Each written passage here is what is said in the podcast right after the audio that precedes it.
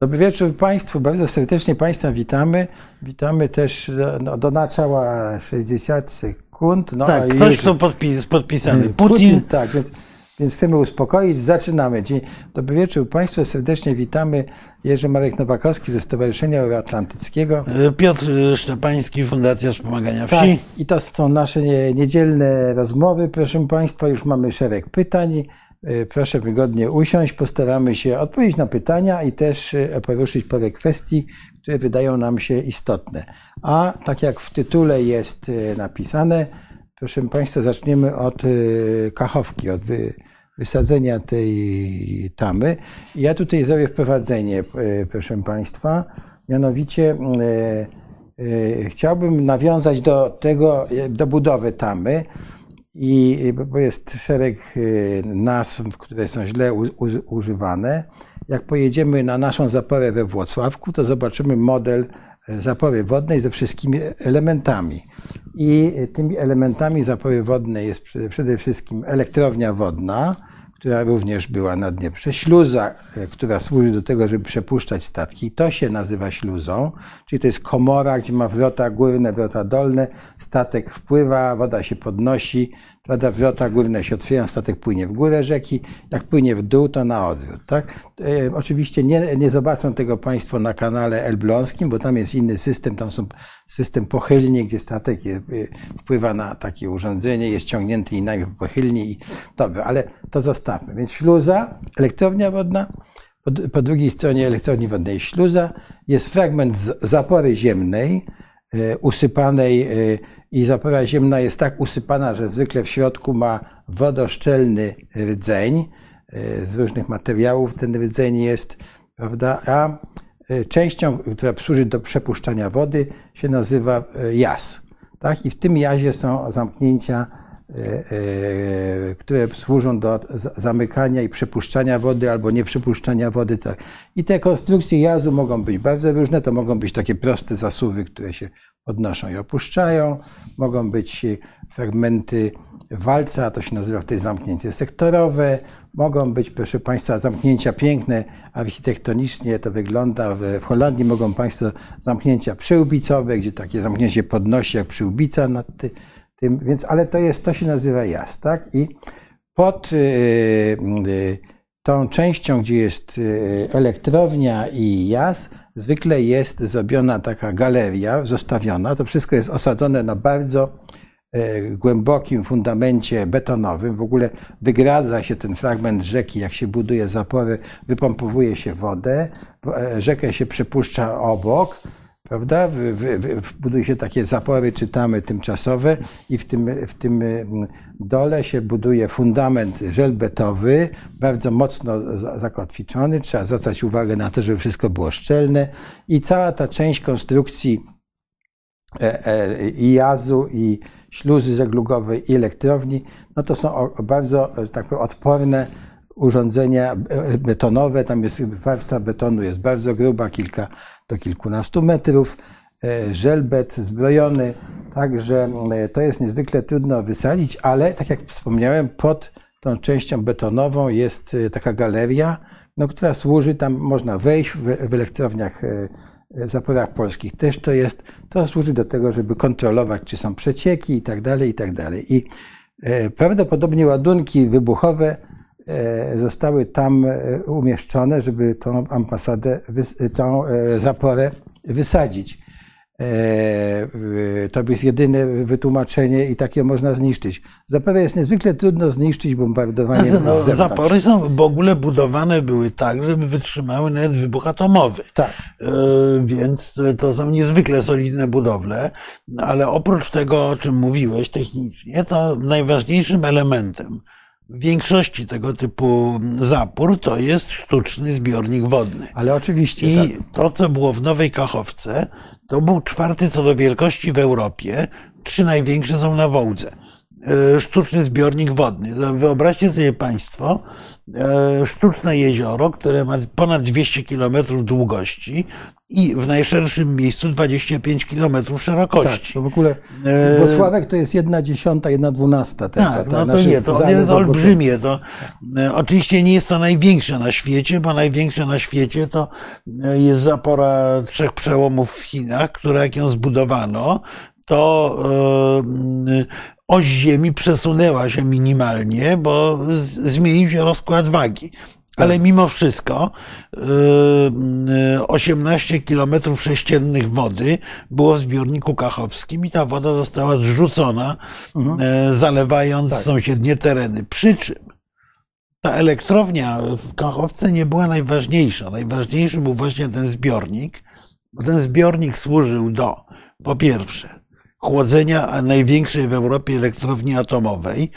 I problemem, zakładając bardzo optymistyczny scenariusz, załóżmy, strona ukraińska zajmuje te, te, te tereny y, y, y, nad Dnieprem, zajmuje Nową Kachowkę, odwojowuje zaporowską elektrownię atomową i tak dalej.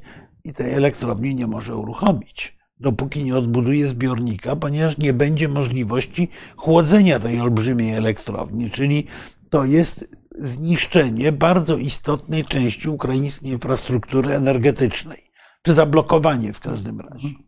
Elektrownia wodna w ogóle jest zniszczona, trzeba ją całkowicie odbudować. Y, elektrownia atomowa y, może wyłącznie pracować w takim trybie jak teraz, czyli wyłączona w istocie z y, podtrzymywaniem tylko działania jednego reaktora. Dodatkowo ten zbiornik służył nawadnianiu niesłychanie żyznych ziem na, na południowej Ukrainie tych, które po obu są... stronach zresztą. Tak. E, e, dokładnie. Więc na Hersońszczyźnie, na Zaporożu i tak dalej. Czyli uderzenie w ukraińskie rolnictwo. Trzeci element, niesłychanie istotny, który pokazuje poziom determinacji rosyjskiej. Ten zbiornik był podstawowym źródłem wody dla Krymu. Krym oczywiście przeżyje pewnie y, dostarczając wodę dla lud, pitną dla ludności, a rolnictwo na Krymie y, właściwie na, wydano na niego wyrok śmierci. A to jest rolnictwo, które y, w tej chwili okupanci wykorzystywali, wcześniej Ukraińcy na, do, do hodowania wielu takich subtropikalnych roślin, które mhm. w niewielu innych regionach byłego Związku Sowieckiego rosły. I wreszcie y, ten zbiornik służył jako rezerwuar wody pitnej dla kilku milionów ludzi, y, którzy w tej chwili mają ogromny problem z dostępem do normalnej wody pitnej. To będzie pewnie łatwiejsze, bo będzie można zainstalować jakieś oczyszczalnie, które będą działały y, w połączeniu z Dnieprem i pewnie to się da rozwiązać, ale pompy jakieś ale, ale, ale wymaga, to, wymaga to dużych pieniędzy, wymaga to inwestycji, wymaga to przede wszystkim spokoju. Tu padło między innymi pytanie o te miny, które tam są. Otóż według tego, co mówią specjaliści, to duża część tych min, a te tereny były zaminowane y, gigantyczną ilością min, duża część tych min w tej chwili została porwana przez wodę i spłynęła Bóg jeden wie gdzie, mówiąc najkrócej. Bo z minami jest tak, że jedna strona konfliktu zazwyczaj wie, gdzie one są. I w momencie, jak dochodzi do pokoju, no to jedną z rzeczy, które się dzieją, jest wymiana tych map, żeby można było te pola minowe dezaktywować. Otóż w tej chwili nikt nie wie, gdzie są te miny. Bardzo możliwe, że w dużej części mogą pospływać do Morza Czarnego. Takie, takie w każdym razie komunikaty się no, pojawiały. Albo osadzą się razem z tymi śmieciami na brzegach zbiornika. Tak. Prawda? Nie wiadomo w których miejscach i i każdy, kto... Na brzegach zbiornika, na, na, na, na terenach zalewowych i tak, tak dalej. Przez lata będą zagrożeniem. Będą gigantycznym zagrożeniem. Yy, Tutaj yy, ktoś mi napisał, że ja się przejęzyczyłem, powiedziałem wysadzaniu nie zapływ, tylko że ambasad, no bo przed yy, audycją rozmawialiśmy o, o ambasadach w kontekście tam prawda, różnych rzeczy i dlatego się pomyliłem. Ale proszę Państwa, moje pierwsze studia były budownictwo wodne na Politechnice Warszawskiej i ja, to piękne studia i piękne zapory i tutaj ktoś pyta, czy zła, że mogła być zła eksploatacja, czy mogła być po prostu zła konserwacja. Nie, zapory wodne, zwłaszcza te, które są na rzekach nizinnych, są e, bardzo odporne na złą konserwację. Tak, tak i dlatego, e, tak, dlatego e, mało prawdopodobne jest to, co sugeruje pan Groszek, że ona się tak, po prostu rozpadła. Tak, tutaj jest spadek nawet, wie pan, najwyższą zaporą na przykład w, w Europie jest Grand Dixence, chyba to jest w Szwajcarii, no to ona ma tam wysokość kilkuset metrów, czyli wyobraźmy, to jest zapora górska, ona jest betonowa, prawda, ona ma nieco inną konstrukcję, ale zapory nawet tamte betonowe są bardzo odporne. E, chyba nie, nie, chyba nie ma, albo już bardzo rzadkie, pojedyncze są bardzo przypadki awarii zapór z powodu złej konserwacji. No tak, ale, ale tutaj ja myślę, że trzeba pamiętać jeszcze jednej rzeczy. Mianowicie na Ukrainie istnieje pamięć historyczna, E, wysadzenia tamy e, koło Zaporoża w tak. roku 1941. Tak. I to był, e, to miało powstrzymać inwazję hitlerowską. Na, powstrzymało na, na parę tygodni marsz wojsk niemieckich rzeczywiście przez Dniepr. Natomiast to była gigantyczna tragedia, gdzie zginęły dziesiątki, jeśli nie setki tysięcy ludzi. E, oczywiście władze stalinowskie nikogo nie ostrzegały przed tym wysadzeniem zapory. I to była taka pewna trauma społeczna w ogóle e, w tych regionach. Wobec tego to, że Rosjanie wysadzili nową Kachowkę, skądinąd nie tylko, bo wysadzili również tak, pomnie, mamy, do, mamy trzy, to, co najmniej trzy mniejsze zapory. To jest, to jest a propos tego, że tutaj ktoś sugeruje, prawda, że to może jednak Ukraińcy wysadzili. Mamy e, doniesienia i one są sprawdzone właśnie o tym, o czym mówisz. To znaczy wysadzono trzy mniejsze zapory, a także nawet stawy rybne, te mniejsze zapory Rosjanie po, powysadzali. To jest niszczenie oczywiście infrastruktury, ale też dodawanie wody, żeby zwiększyć tą katastrofę. Ale tak naprawdę to jest, e, wrócę do tego, co mówiłem przed tygodniem, e, to jest w mojej ocenie nowy etap tej wojny. To jest w gruncie rzeczy przekaz ze strony rosyjskiej. Nie cofniemy się przed niczym. Jest niczym się nie liczymy. Y, w celu osiągnięcia sukcesu militarnego. Nie cofniemy się przed żadnymi działaniami i oczywiście to oznacza, że na przykład w dyskursie wewnętrznym w Europie wróciła kwestia, czy Rosjanie zdecydują się na użycie broni masowego rażenia. No bo w istocie zrobili niewiele mniej niż użycie broni masowego rażenia, wysadzając tę wysadzając tę tamę.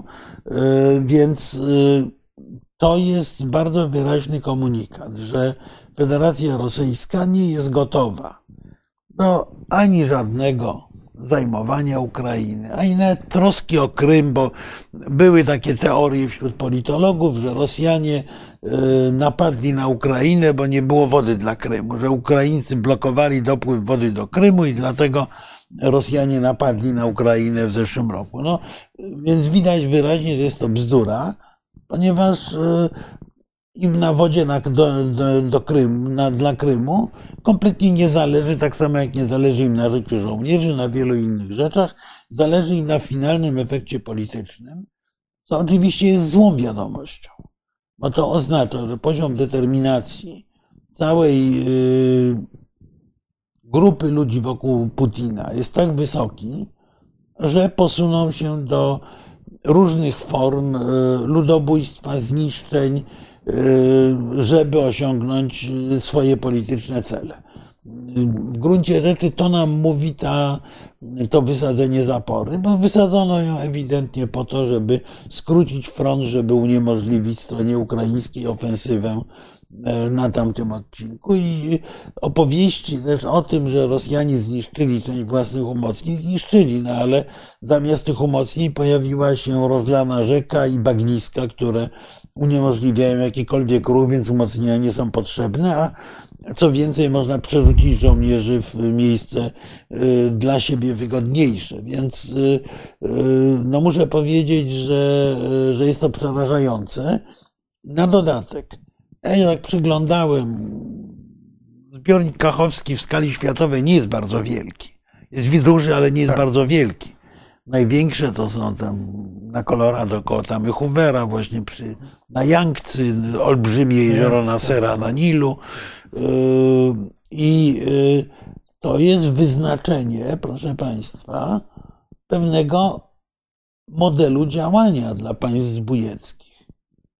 Yy, Bo yy, no, zawsze wysadzenie tego typu obiektu oznacza gigantyczne straty, oznacza gigantyczny cios w spójność społeczną i tak dalej, i tak dalej. Więc yy, Rosjanie no, podnieśli jeszcze bardziej poprzeczkę czegoś, co określamy mianem zbrodni wojennej, albo inaczej, co określamy y, metodą absolutnego cynizmu y, y, w prowadzeniu wojny bez liczenia się już nie tylko z cywilami, ale z czymkolwiek tak naprawdę, bo to jest klęska ekologiczna, to jest zmiana w ogóle stosunków wodnych w regionie i tak dalej, i tak dalej.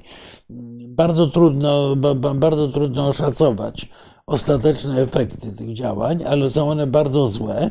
A zwracam uwagę, że w rosyjskich mediach y, pojawiły się już głosy, że tak naprawdę to no dość tego trzeba wysadzić tą zaporę koło Kijowa, bo na Dnieprze są trzy zbiorniki. Kachowski był największy, ale najgroźniejsze byłoby wysadzenie e, zapory koło Kijowa na, e, na Dnieprze, bo to by doprowadziło do, do jakiejś gigantycznej katastrofy No humanitarnej. bo tutaj się skupmy na tym, prawda, jak, jakie jakby broni użyto wysadzając tę zaporę, tak? Po pierwsze jest efekt tego, że ileś domów zostało zniszczonych, czyli to jest efekt tak jakby użyto... No tak, no kilka tysięcy domów, tak. Tak. Następnie, Ilość ofiar nie wiadomo. nie wiadomo, naprawdę. tak? E, e, Mówi się o, o tyś, tysiące, e, e, pójdą w tysiące, nie No wiadomo. tak, no ale to jest Ale- tak jak po, po, w czasie II wojny światowej. Do dzisiaj nie wiadomo, czy było to 300 tysięcy, czy 30 tysięcy, no bo to zniknęło w mgle wojny. Tak, a poza tym jest to broń biologiczna, tak, no bo mamy upały, te e, zwłoki, ryby zaczną się rozkładać, to błoto, tak, mamy prostu Nie, no, katastrofa ekologiczna. Katastrofa ekologiczna to jest jeszcze nas, następne. I do tego I mamy rol- zagrożenie. rolnictwo, czyli po prostu wybuch, można porównać do wybuchu, do użycia broni Tak, to, atomowej, to prawda, ba- pewno. bardzo podobny efekt, a na dodatek jeszcze właśnie mamy ten, to zagrożenie atomowe w postaci yy, zaporowskiej No tam- elektrowni Tam atomowej. mówią, że tamta elektrownia ma zbiornik e, No ma własny, zbiornik, który prawda? pozwala y, jej funkcjonować przez kilka miesięcy w sytuacji, kiedy ona jest wyłączona. Tak. Gdyby ją włączono, to, to oczywiście, y, y, znaczy włączenie tej elektrowni jest w tej chwili niemożliwe. O, Prawdopodobnie tak. on jest w za małej pojemności, że można Tak. było dobrze chłodzić pracującą elektrownię. tak, tak, tak, Tak, to jest e, awaryjny. Tak, awaryjny, tak. Ale jest, y, no, wyłączyli, tam z tego co wiem, czytałem, to właśnie ostatni reaktor jest wy- wyłączany właśnie, tak. Tak. Więc, ale to jest wyłączenie, e, wyłączenie e, systemu, no to, ale to co Ale mówisz, to jest, to, to jest również pozbawienie Ukrainy jednego z głównych, najważniejszych źródeł e, prądu elektrycznego. Ukraina eksportowała elektryczność ostatnio nawet, no bo przemysł był zduszony przez wojnę, ale, e, ale wydaje się, że ten deficyt energii elektrycznej będzie postępował i że jest to część też świadomej polityki Tak. rosyjskiej. czyli nie udało się zniszczyć sieci przesyłowych, prawda, i tych podstacji Tak. bombardowaniami, no to e, likwiduje się źródło e, prądu. Natomiast to, co mówisz o, tych, o tej zaporze e, pozostałych dwóch i tej e, w Kijowie zwłaszcza, no to rzeczywiście jest takie nie, niebezpieczeństwo. No z tym, że musieliby to zaminować, no bo oczywiście No, albo- krzykacze w Moskwie y, krzyczą, że należy to zbombardować, żeby to... To nie jest takie proste To nie, zbombardować taką to zaporę, nie jest ale takie proste, no, musieliby przyjść sabotażyści i to ją zaminować, bo y, no, to jest kilkadziesiąt ton y, ładunków wybuchowych, które trzeba umieścić we właściwych miejscach i we właściwym miejscu zdetonować, ale no, to są technikalia zupełne, a, a istotna jest tak naprawdę, y, istotny jest tak naprawdę efekt polityczny, który jest straszny, bo, bo to, to jest rzeczywiście, my się zastanawialiśmy od początku tej wojny, prawda, czy Rosjanie rzucą tą bombę, tę bombę, czym straszyli. Tak. Więc ta drabina eskalacyjna okazuje się mieć więcej szczebli niż nam się wydawało i niewątpliwie na kolejny szczebel, niszcząc tę infrastrukturę wodną, Rosjanie wkroczyli pokazali, że są y, gotowi do użycia środków, środków masowego rażenia, bym to tak określił. Dobrze, to w takim razie y, przejdźmy do y, Rosji, no bo chyba jeśli chodzi o Nową Kachowkę i żeśmy już to omówili, jest, jest to mas, masę technikaliów, doniesień i tak dalej. I to, teraz zajmijmy się Rosją. Tak, bo właściwie czy Rosja kiedykolwiek może być, zresztą pisałeś na ten temat, mówiłeś, czy Rosja w ogóle może kiedy w najbliższym czasie być skłoniona do, do pokoju, do takiego, bo wszyscy mówią, Ukraina ma zawrzeć pokój, Ukraina ma zawrzeć, no ale jest ta druga strona, prawda, e, rosyjska. Ja, I, i, mam wrażenie, że e, do pokoju nie uda się skłonić obecnych władz rosyjskich. E, to zresztą niedawno mówił Michał Chodorkowski w wywiadzie, mhm. E, którego udzielał. Była taka debata w e, Parlamencie Europejskim, gdzie cała czołówka się pojawiła rosyjskiej, rosyjskich środowisk demokratycznych, nazwijmy to. I Chodorkowski mówił, że jego zdaniem Putin już na trwałe związał się z tą wojną. Czyli tak naprawdę Rosja może wrócić do jakichś rozmów wyłącznie pod warunkiem, że ten reżim ustępuje. W takiej czy innej formie, bo nawet jeżeli ten reżim usiądzie do rozmów pokojowych, to nie sądzę, żeby je przetrwał. Bo, e, no bo zwróćcie Państwo uwagę. Znaczy, że... W momencie, kiedy usiądzie do rozmów pokojowych, to już, już przegra, bo to znaczy, znaczy że... przegrał już, tak. ale na razie robi minę, jakby nie przegrał.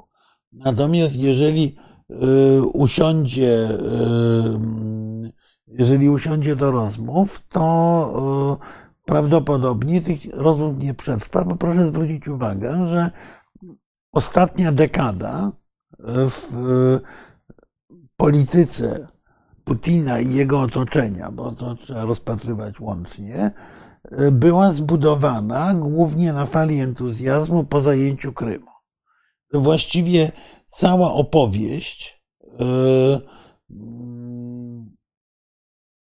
o państwie rosyjskim jest opowieścią o ekspandującym imperium. Jeżeli to ekspandujące imperium przegrywa, no to władca musi odejść. Zresztą te sygnały o e, pewnym e, zmęczeniu rosyjskiej elity politycznej Putinem wyraźnie się pojawiają.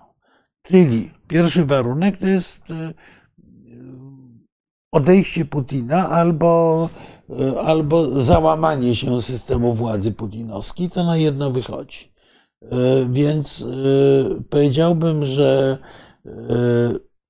jednym z powodów, dla których tak wiele mówi się o Krymie, to jest właśnie to, że utrata Krymu de facto oznaczałaby koniec władzy putinowskiej.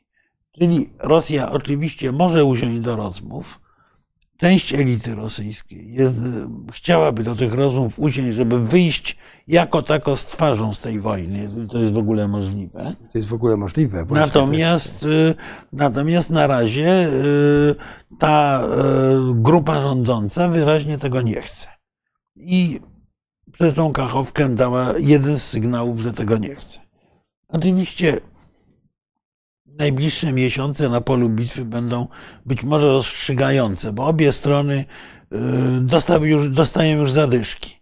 Obie strony są na granicy wyczerpania e, fizycznego i tak dalej, i tak dalej. Y, I y, wyczerpania amunicji, zasobów ludzkich, energii społecznej, która napędza wojnę. To, to jest oczywiste. Więc jakaś forma ograniczenie, obniżenie intensywności konfliktu na przykład, to jest wysoce prawdopodobne. E, teraz, czy Rosjanie są gotowi do rozmów pokojowych. Pojawiają się takie sygnały z Europy, mówił o tym Macron, mówił o tym Scholz trochę, w trochę innym tonie, że yy, Europa liczy na to, że Rosjanie pójdą po rozum do głowy i siądą do rozmów pokojowych. Są przeróżne propozycje. Afryka, papież, Turcy, wszyscy chcą, Chińczycy, wszyscy chcą pośredniczyć w rozmowach pokojowych, tylko na razie ze strony Ukrainy, podtrzymywanej tutaj bardzo wyraźnie, czy wspieranej przynajmniej werbalnie przez Zachód, jest powiedziane, że y, Ukraina nie jest gotowa do ustępstw terytorialnych. No oczywiście bez tych ustępstw terytorialnych Rosjanie nie mają o czym rozmawiać. Bez tego no, chwilowo jesteśmy y, w sytuacji takiego pata, w którym nikt nie ma dobrego ruchu. Y, ale załóżmy, że Rosja ponosi ograniczoną porażkę y, w tym starciu obecnym przy tej ofensywie ukraińskiej. Ukraina będzie wyczerpana. To się w pytaniach pojawiało, że yy, co, co my powiemy na raport mówiący o, 20, o tym, że Ukraina liczy 24 miliony mieszkańców. No, myśmy to mówili trzy miesiące temu, czy cztery, i to, to mi mówili rzeczywiście ukraińscy politycy, że bilans ludnościowy jest straszny dosyć dla Ukrainy, no, ale więc dla Ukrainy ta wojna jest też śmiertelnie wyczerpująca. Ale wracając do Rosji, więc reżim putinowski raczej nie jest gotowy i nie może usiąść do rozmów. Może nastąpić zmiana reżimu. Czy nastąpi zmiana reżimu na demokratyczny? Nie wierzę. Może być rząd nieco łagodniejszym, autorytarnym obliczu. Ale istotne nawet nie jest to, czy on jest autorytarny, czy nieautorytarny. Istotne jest to, czy y, będzie gotów do dialogu z Zachodem. Teraz jest pytanie kluczowe z naszego punktu widzenia. Czy ten dialog z Zachodem podjęty przez potencjalnych następców Putina jest w naszym interesie? Otóż mnie przypuszczam, że nie. Dlatego, że e, zbyt wcześnie podjęta próba dialogu będzie niewątpliwie sprzyjała takiemu myśleniu, żebyśmy wrócili do sytuacji status quo ante, czyli żebyśmy wrócili do. 2014. No tak, żebyśmy wrócili do rozmowy z Rosją. Rosja teraz już będzie urocza, miła, demokratyczna, przyjazna i w ogóle. E, nie będzie. Nie będzie, dlatego że znowu wrócę do tego, co mówił Muratow, co mówił Chodorkowski Rosja została skażona latami imperialnej propagandy, e, latami agresywnej polityki.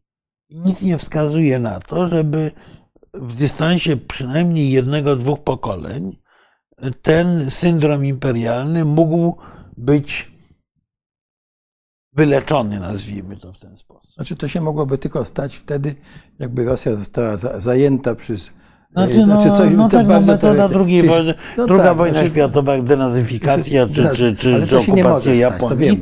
Znaczy, no, nie, nie widać y, tak. ani mechanizmów, ani chętnych, no poza tym ol, og, ol, ogrom terytorium rosyjskiego by to nawet uniemożliwiało, no bo kto ma to tak. okupować, tak. Zakładając nawet, że wszyscy w to włączamy, to poza Chińczykami nikt tego nie jest w stanie okupować w tak. sensie fizycznym. Wobec tego Rosja musi przejść przemianę wewnętrzną, wynikającą z y, dwóch rzeczy. Po pierwsze, właśnie z porażki i, do, i finalnego y, zamknięcia etapu imperialnego rosyjskiej historii. To jest y, potwornie trudne. Prawie niemożliwe, no ale oczywiście, jeżeli Rosja zostanie odepchnięto od granic Europy, od granic Ukrainy, od granic Białorusi, również w Azji od granic Kazachstanu, powiedzmy, no to Rosja będzie musiała przejść transformację wewnętrzną, bo będzie musiała uzyskać inne podstawy budowania społecznej dynamiki. Przypominam, że dwa, dwie próby modernizacji Rosji w ostatnich y, dekadach się nie powiodły po prostu. Prawda? Więc. O. No w zasadzie się nigdy nie powiodły. Znaczy, no, po, powiodły się, y, po, powiodła się modernizacja autorytarna y, w czasach Piotra I, powiodła się częściowo modernizacja autorytarna, ale też właściwie w wyniku klęski wojennej w czasach y, Aleksandra II i Aleksandra, i reakcjonisty Aleksandra III. Więc były jakieś te modele modernizacji Rosji, owszem, Natomiast oczywiście w kompletnie innych warunkach. Więc, ale jeżeli Rosja nie będzie mogła ekspandować, to ma dwa wyjścia. Albo dokonać implozji, czyli stać się krajem trzeciego świata, tak naprawdę, już kompletnie. W sensie nowoczesności, sposobu życia, y, podstaw gospodarki i tak dalej. A ten kraj trzeciego świata, dodajmy, to byłby e, kraj uzależniony całkowicie od e, Chin. E, pozwolę sobie na wstręt, bo pan Rafał Kryskiewicz pisze, że oligarchowie nie pozwolą na demokrację w Rosji. Otóż w Rosji nie ma żadnych oligarchów. Przestańmy opowiadać bajki, które sami potem wierzymy. Gdzie jest ta oligarchia w Rosji? Rosja jest zarządzana przez siłowików, czyli przez służby specjalne i wojsko. Natomiast oligarchowie to nie są żadni oligarchowie, to są e, w tej chwili mniej lub bardziej e, rosyjskie wersje Obajtka, e, czyli ludzie, którzy z poruczenia władzy zarządzają majątkiem, formalnie państw, prywatnym, faktycznie państwowym. Znaczy tu nastąpiła taka zmiana, chyba o której trzeba wspomnieć, że ci oligarchowie typu, e, tak jak jest Odarkowski czy inni, oni zostali e, pozbawieni tego majątku. To znaczy, to znaczy nie, no, tak? aresztowanie Chodorkowskiego to był koniec oligarchii. Oligarchia w Rosji tworzyła się w czasach jelcynowskich, Natomiast potem została e, zniszczona przez służby specjalne. Albo totalnie podporządkowana. Znaczy, znaczy no, no to nie jest oligarchia. No to oligarchia jest, tak, to jest e, przełożenie e, władzy gospodarczej na władzę polityczną. Natomiast to są zarządcy majątku, który jest im tymczasowo powierzony. Bo jeżeli ktokolwiek się wychyli, właśnie przypadek Chodorkowskiego, ale przypadek Bierożowskiego, Gusińskiego, dziesiątków innych, no. y, jest taki, że jeżeli ktokolwiek się wychyli, to traci majątek y, i albo wolność, albo życie, a w najlepszym razie musi uciekać za granicę. Więc nie ma żadnej oligarchii y, i, i tu, gdyby, gdyby w Rosji była oligarchia, to Rosja by nie prowadziła takiej polityki, jak prowadzi. O, może tak. Oligarchia była i nadal jeszcze jest y, na Ukrainie, choć bardzo osłabiona.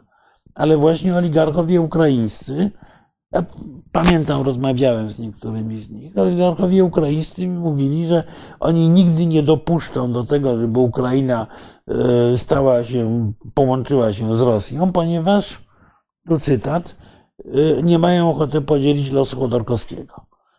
Y, więc...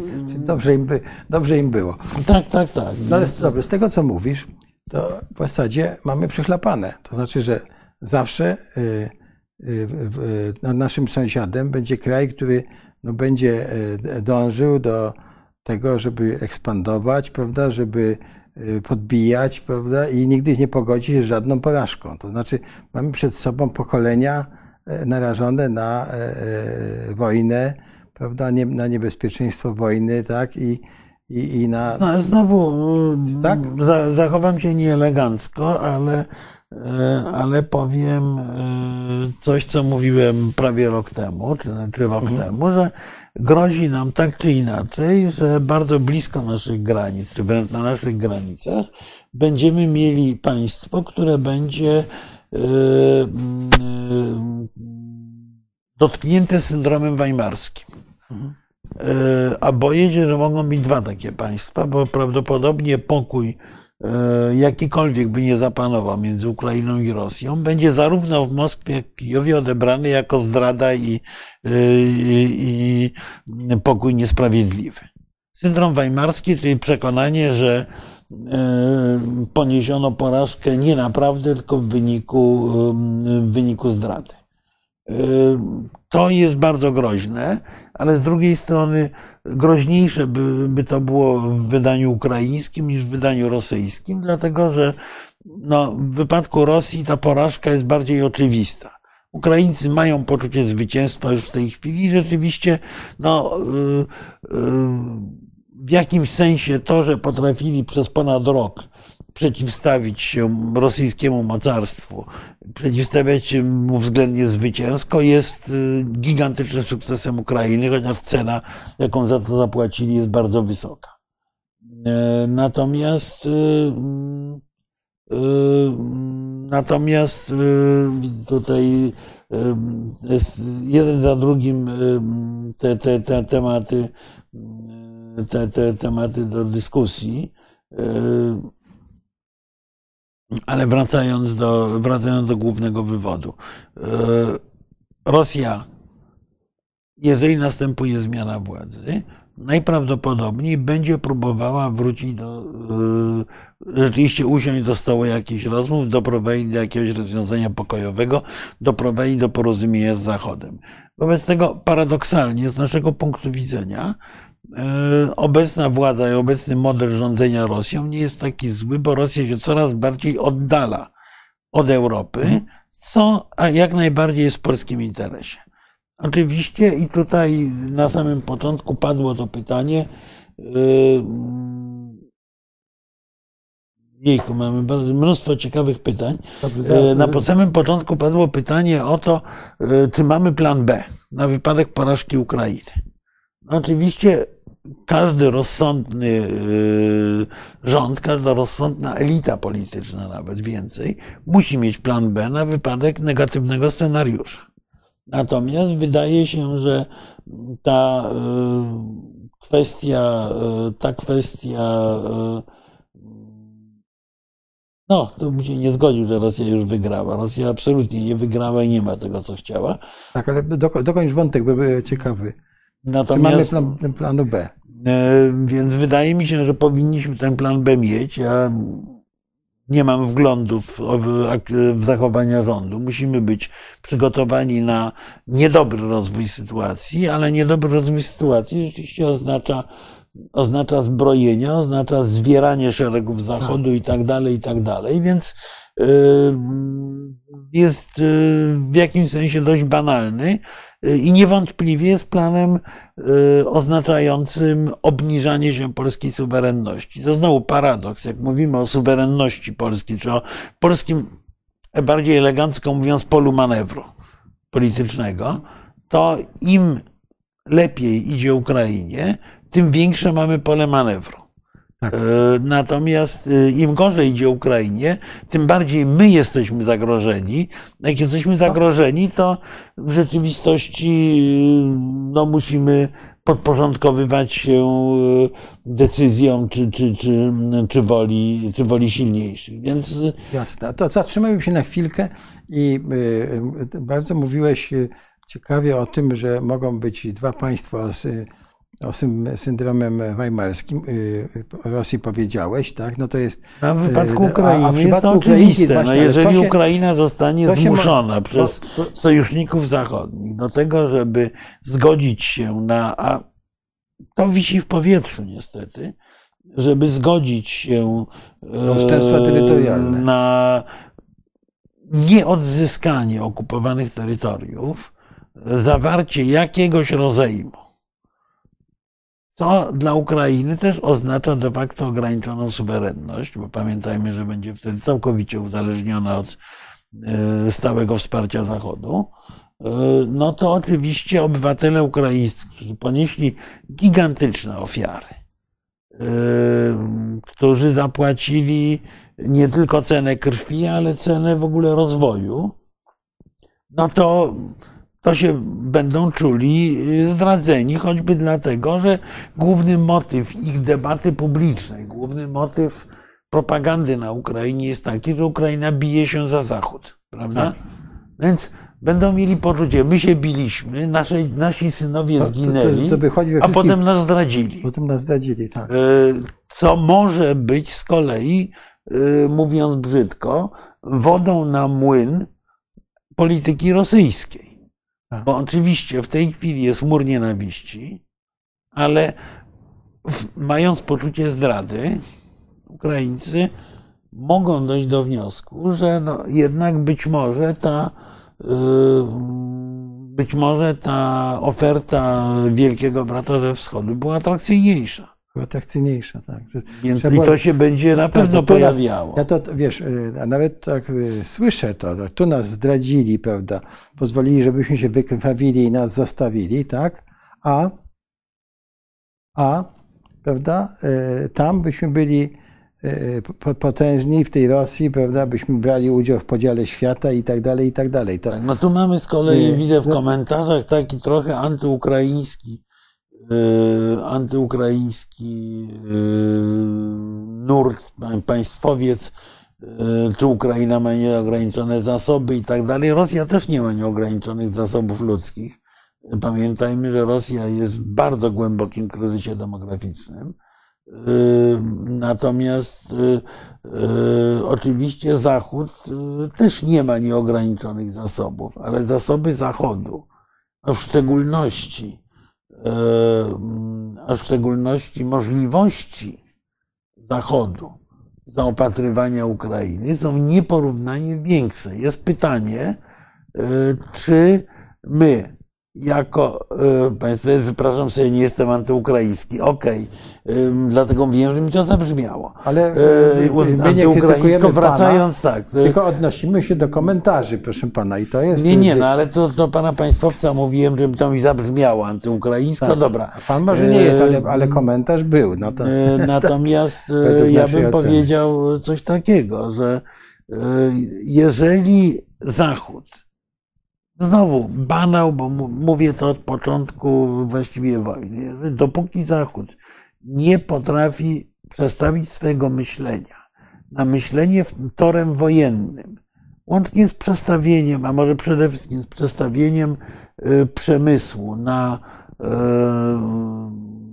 tory zbrojeniowe, na, na tory półwojenne przemysłu zbrojeniowego, to rzeczywiście y, mo, Ukraina może tę wojnę przegrać. Jeżeli będziemy zdecydowani wspierać Ukrainę naprawdę, no to jesteśmy y, na tyle silniejsi, że rzeczywiście przy y, potwornej klęsce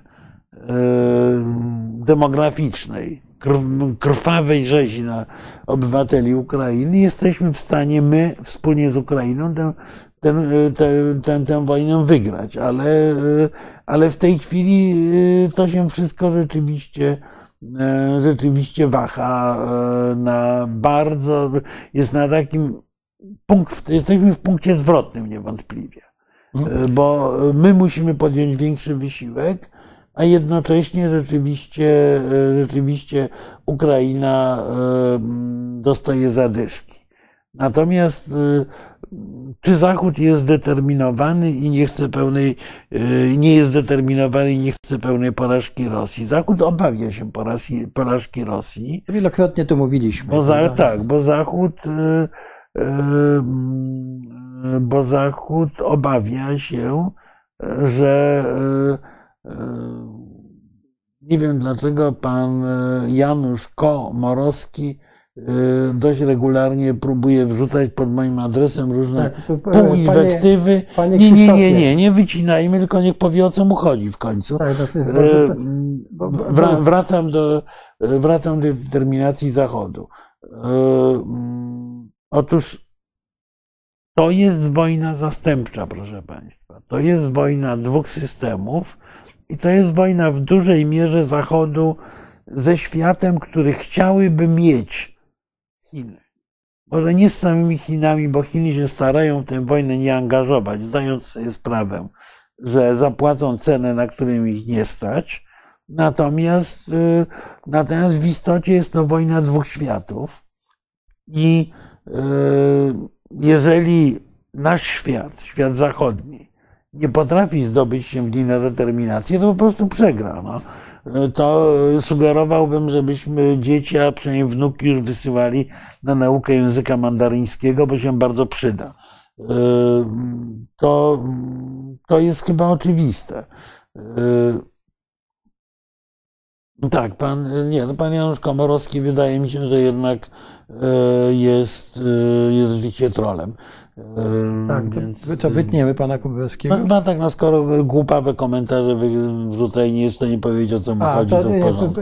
Tam jest, panie Krzysztofie, to wytnijmy jeden Janusz Komorowski, dobra, wycinamy pana, bo Pożegnamy. Dobra? Tak, tutaj. I mam, bo y, zaciął mi się ten przy, przywijanie e, e, pytań. Dobrze? Tak, i tutaj Ukraina to nie nasza wojna, to wojna USA-Rosja. Nie, to, to jest o, konflikt. Jak najbardziej nasza wojna. E, to jest konflikt pana. nie USA-Rosja, bo Rosja nie jest dla USA prze, przeciwnikiem. To jest konflikt, jak mówię, dwóch systemów. E, sugestia wyjazdu do Australii jest bardzo groźna, bo jak mówię, po tamtej stronie e, e, tak naprawdę jest, tak naprawdę jest głównie mocarstwo chińskie. I Chiny stanowią pewne, pewne zagrożenie, więc no wydaje mi się, że e, wydaje mi się, że Australia nie jest tak do końca bezpieczna. E, natomiast e, przetrwanie tej wojny jest w interesie USA i tak i nie. Dlatego, że dlatego, że Amerykanie rzeczywiście ponoszą ogromne koszty tej, tej, tego konfliktu, ogromne koszty finansowe ogromne koszty e, polityczne również. Więc e, ta wojna nie jest tak do końca w ich interesie. W każdym razie w pewnym momencie pewnie była, no ale to już jakby inna, inna, zupełnie, inna zupełnie kwestia. Rzeczywiście o tym, jak długo będzie trwała ta wojna, ktoś złośliwie powiedział, tak naprawdę zadecydują Amerykanie i Chińczycy. Tak. Ja tutaj Natomiast się, wróćmy do Rosji, Marku, bo nas interesuje Rosja. Teraz wróćmy, ale tutaj jest jedno pytanie e, pana czy pani inżynier 1976.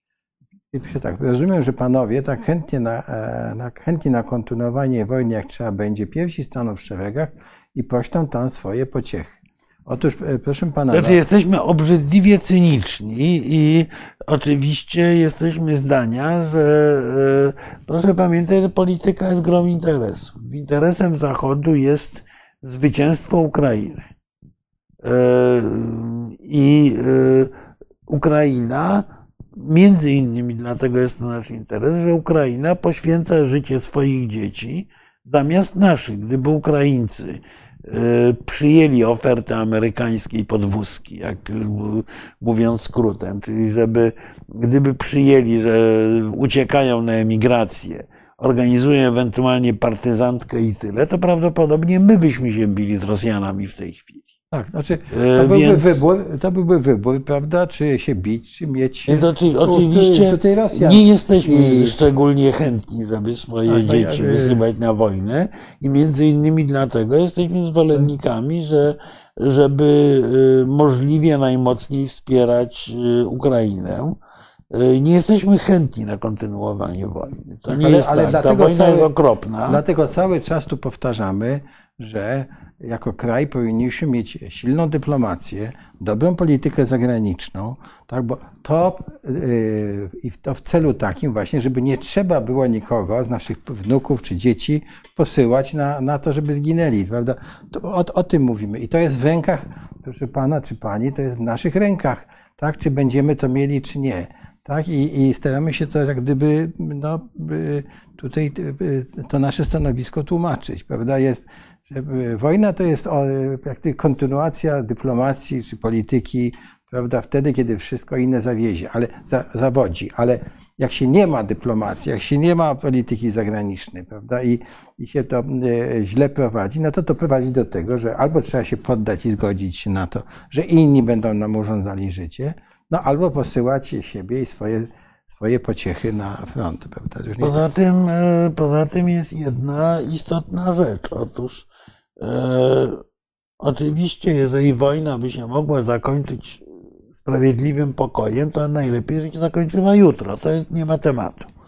Natomiast myślenie o zakończeniu wojny w tej chwili to nie jest myślenie o zakończeniu wojny, tylko to jest myślenie w kategoriach zawieszenia broni. Dlatego, że gdyby zatrzymać wojnę na tych pozycjach, na których w tej chwili stoją wojska, to ani Ukraina, ani Rosja nie przyjęłaby tego do wiadomości. Oczywiście w chwili zmęczenia obie strony być może by się nawet zgodziły na jakiś, papiery, rozejm, tak. natomiast mielibyśmy obok naszych granic permanentną beczkę prochu, która będzie wiadomo, że prędzej czy później wybuchnie. Tak jak po roku 2014 w gruncie rzeczy było wiadomo, tylko myśmy nie chcieli w to wierzyć.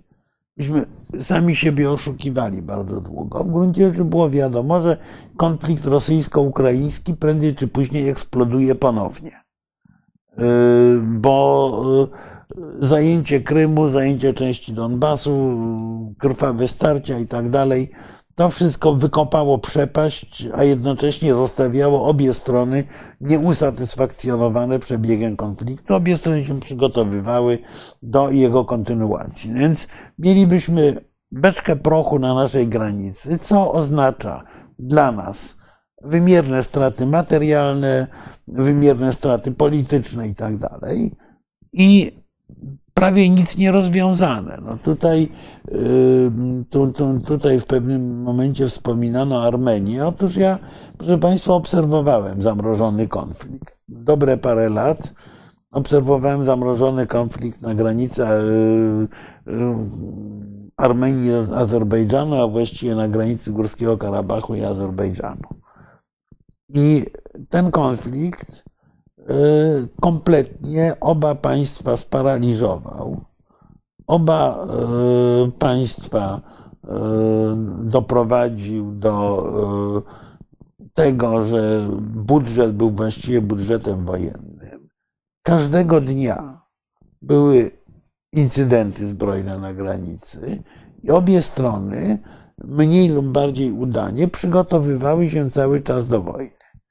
W momencie, kiedy jedna ze stron uwierzyła, że wojny nie będzie, no to właśnie ją przegrała. Więc w istocie można powiedzieć, że mielibyśmy coś takiego jak w Górskim Karabachu, tylko razy 10 czy razy 20 na granicy rosyjsko-ukraińskiej, pół świata zamiast rozmawiać o klimacie, zamiast rozmawiać o rozwiązywaniu globalnych problemów, byłoby skupione na pilnowaniu tego kolejnego podpalonego odcinka granicy, który tym razem byłby w Europie, no bo proszę Państwa, no miejmy świadomość, że takich granic na świecie jest mnóstwo. Pół, cały Bliski Wschód, który jest uznawany słusznie za beczkę prochu, tak wygląda. Tak wygląda pół Afryki. Parę konfliktów mamy w Ameryce Południowej. Y, również takich tlących się, choć nie aż tak intensywnych jak te afrykańskie i bliskowschodnie. Więc y, zdajmy sobie sprawę z tego, że cała nasza wizja świata, spokojnej, jednoczącej się, rozwijającej się Europy, tego marzenia, które mieliśmy przez ileś pokoleń od, od XVII wieku właściwie, y, wziąłby w łeb. Więc to nie jest podżeganie do wojny, to nie jest cieszenie się z powodu wojny, tylko jest to próba myślenia w takich kategoriach, że Zachód po raz pierwszy od II wojny światowej w istocie zmobilizował się do względnie solidarnego wspólnego działania. Y, Zachód wciąż jeszcze jest w skali globalnej y, potęgą. Natomiast y, y, jeżeli tę potęgę potrafi wykorzystać, to wygrywając z Rosjanami, w istocie wygra również z Chinami. Bo pamiętajmy, że porażka Rosji jest porażką całego tego niesformalizowanego do końca bloku autorytarnego. Którego, bloku, którego trzonem są Chiny. Bloku, którego pomysłem na świat jest rewizjonizm. Oni są, oni są niezadowoleni z tego powodu, że nie grają takiej roli, jaką uważają, że im się należy. Chińczykom, Chińczycy uważają, że należy im się rola co najmniej współdecydenta światowego. Prawda? No okej. Okay. Ale nasze myślenie, ja zdaję sobie sprawę, że na globalnym południu wcale nie najbardziej popularne jest takie, że chcemy, żeby nadal to Zachód był tym czynnikiem, który dyktuje pewien model polityczny świata, który y, jest y, y, tym czynnikiem, który świat stabilizuje i który sprzedaje światu nowoczesność, mody, demokrację i tak dalej. Ze wszystkimi słabościami i ułomnościami tego modelu. Bo, bo my jesteśmy częścią tego świata, bo myśmy do tego świata się pazurami tak naprawdę dodrapali, bo, bo nie byliśmy w nim. A zawsze chcieliśmy w nim. No, ale wiesz, to jest kulturowo, to jest nasz świat. Też, kulturowo no. jest nasz świat, ale, tak, poli tak, ale tak, politycznie tak, myśmy. Tak się mówi, ale.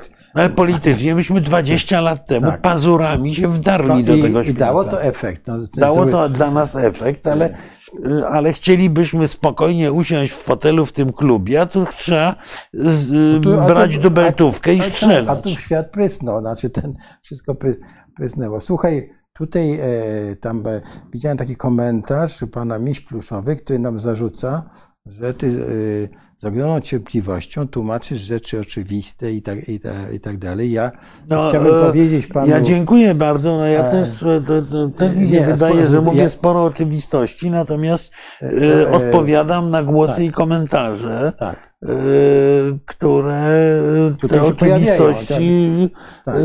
I, I rozumiemy. negują. My to oczywiście widzimy tutaj, że się skupiają tutaj ruskie, może nie wszystkie, ale że są ruskie trole. Ruskie trole się bardzo poprawiły, zadają pytania dobrą polszczyzną, zadają pytania już nie takie Ale nie wprost, tylko głupie, ruskie trole, no bo jest ale, ale, osób, które...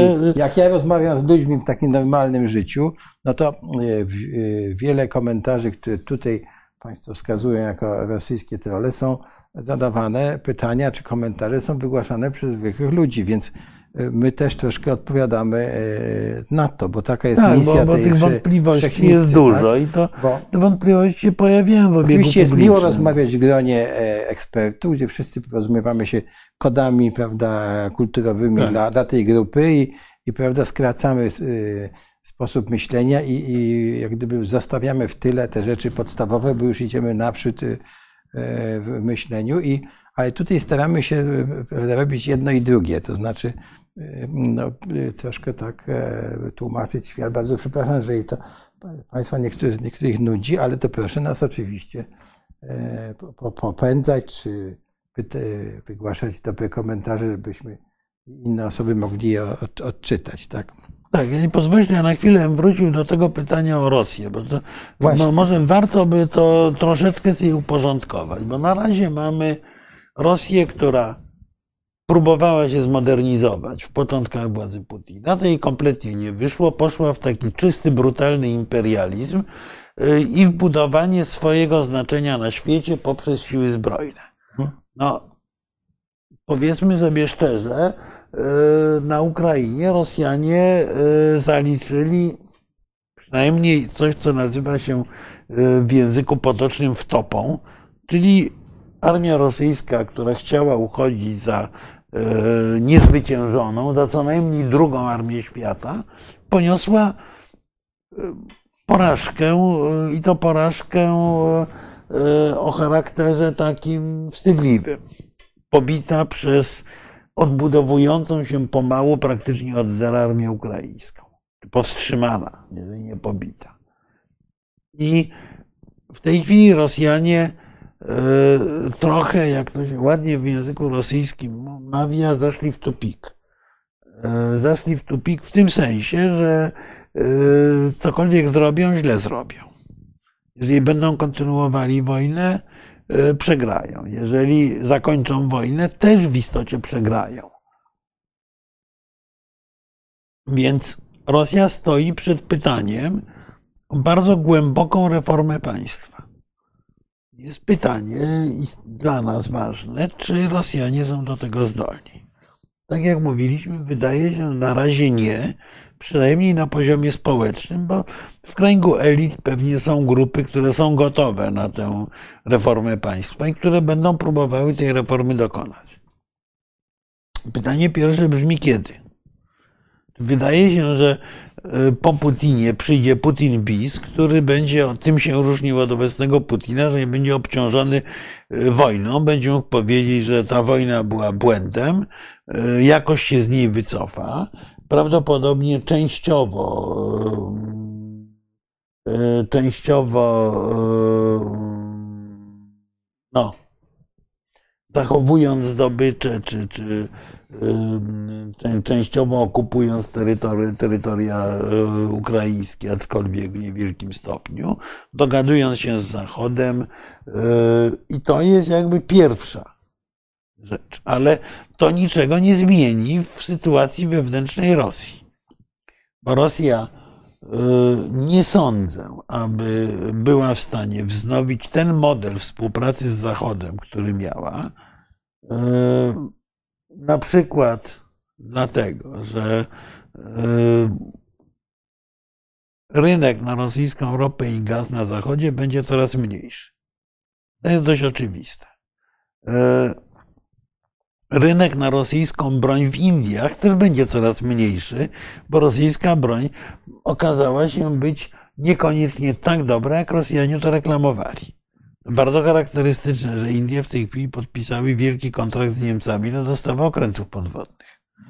Yy, więc ten dotychczasowy model współpracy Rosji ze światem zachodnim nie zadziała. Yy, współpraca z Chinami jest współpracą w oczywisty sposób yy, Y, dla Rosji wasalizującą Rosję wobec Chin, bo taki jest model przyjęty przez rządy chińskie wobec słabszych partnerów.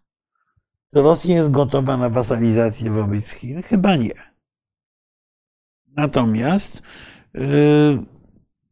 stanie wobec wyboru albo cofnąć się przed Zachodem, bardzo istotnie, czyli wyjść z modelu e, półtotalitarnego stworzonego przez e, Putina ku modelowi, który może bardzo szybko po, powtórzyć e, wszystkie złe zjawiska, wszystkie złe zjawiska, które towarzyszyły rządom Jelcyna. Rosjanie się tego boją. Czy Rosjanie będą próbowali dogadać się z Amerykanami. Tego nie wiemy. W każdym razie na pewno Rosja się musi znacząco zmienić, a za zmianą polityczną muszą pójść dwie rzeczy. Ta zmiana polityczna musi gwarantować pewną stabilność społeczną, bo pamiętajmy, że dla Rosjan e, synonimem słowa demokracja jest niewypłacanie pensji. Emerytur. Bo okres, tak, no emerytur w ogóle ogólny bałagan, bo okres jelcynowski z naszej perspektywy był wspaniały. Wolność słowa, tworzenie się partii, taki ale niesłychany ferment żyć. intelektualny, ale z punktu widzenia obywatela, który musiał żywić się cebulą, którą sobie wyhodował na działce, bo nic innego, bo, bo, bo nie dostawał pensji, pensji, czy emerytury, to już nie było takie dobre. I, I to był jeden z istotnych powodów, dla których Rosjanie zaakceptowali ten autorytarny model putinizmu. Y, wreszcie jest scenariusz, który mówi o rozpadaniu się Rosji. Otóż ja nie sądzę, żeby Rosja jeszcze miała potencjał rozpadowy. Być może za 20 lat tak, ale nie dzisiaj. Ja nie widzę tych sił rozpadających się. Znaczy, mówię, no, za 20-25 lat y, y, mogą. Z... Pamiętajmy o ruchu demograficznym w Rosji. Rosja ma ogromną nadumieralność mężczyzn. Dużo więcej kobiet niż mężczyzn jest w Rosji. Etnicznych Rosjan jest coraz mniej w stosunku do nierosjan. I ci nierosjanie mogą się, y, mo, mogą się upomnieć o jakieś formy autonomii czy niepodległości. Więc jakieś elementy przestrzeni rosyjskiej mogą od Rosji odpaść. Owszem. Natomiast istotniejsze jest co innego. Istotniejsze jest to, że jakakolwiek realna reforma państwa rosyjskiego musi być związana z osłabieniem władzy centralnej. Czyli krótko mówiąc, z y, daleko idącym y, poziomem samorządności regionów. Nie niepodległością regionów, nie odrywaniem się od Rosji, ale w sposób centralistyczny i unitarny nie da się zarządzać tak olbrzymim krajem. Wobec tego. No ale oni próbują.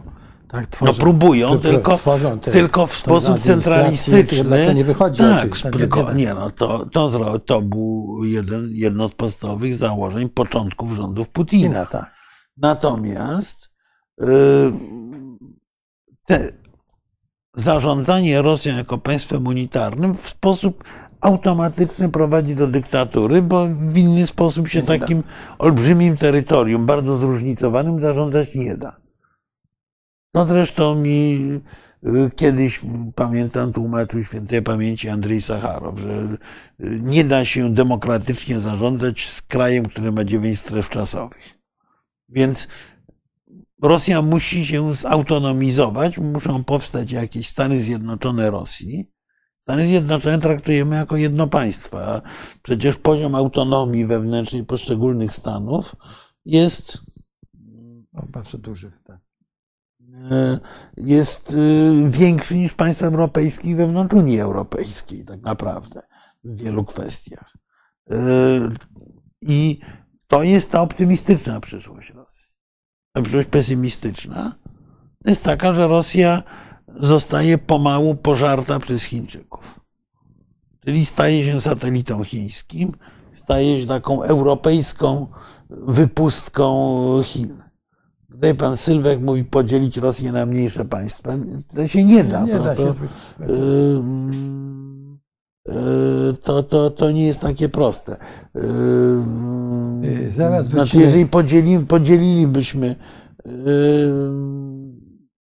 Rosję na różne państwa, to będziemy mieli to, o czym mówił właśnie Chodorkowski niedawno, żebyśmy mieli wtedy kilka państw, skłóconych ze sobą i każde z nich dysponujące bronią atomową.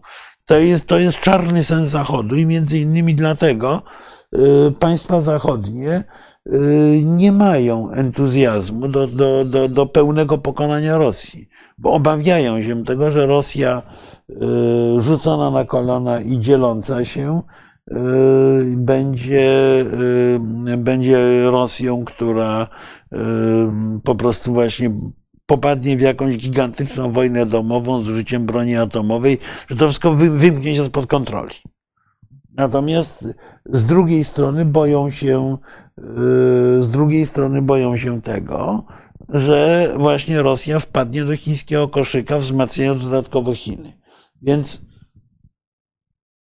to jest yy, takie poruszanie się po bardzo wąskiej, y, y, bardzo wąskiej równoważni, gdzie groźne są różne procesy, które mogą zajść w wypadku y, klęski Rosji, a jednocześnie jeszcze groźniejsze jest zwycięstwo Rosji. Słuchaj, chciałbym wrócić na chwilę do tego, co tu powiedziałeś, zanim przejdziemy do pytań. Dobrze, bo jest dużo ciekawych y, Tak, tutaj pan Krzysztof, ale. Krzysztof dwa razy już powtórzył, Pierożak powtórzył dwa razy to pytanie, że Kongres USA przyjął projekt budżetu, jest nim suma pomocy dla Ukrainie. Czy Polska powinna też podsumowywać swoje koszty wsparcia i informować o tym obywateli?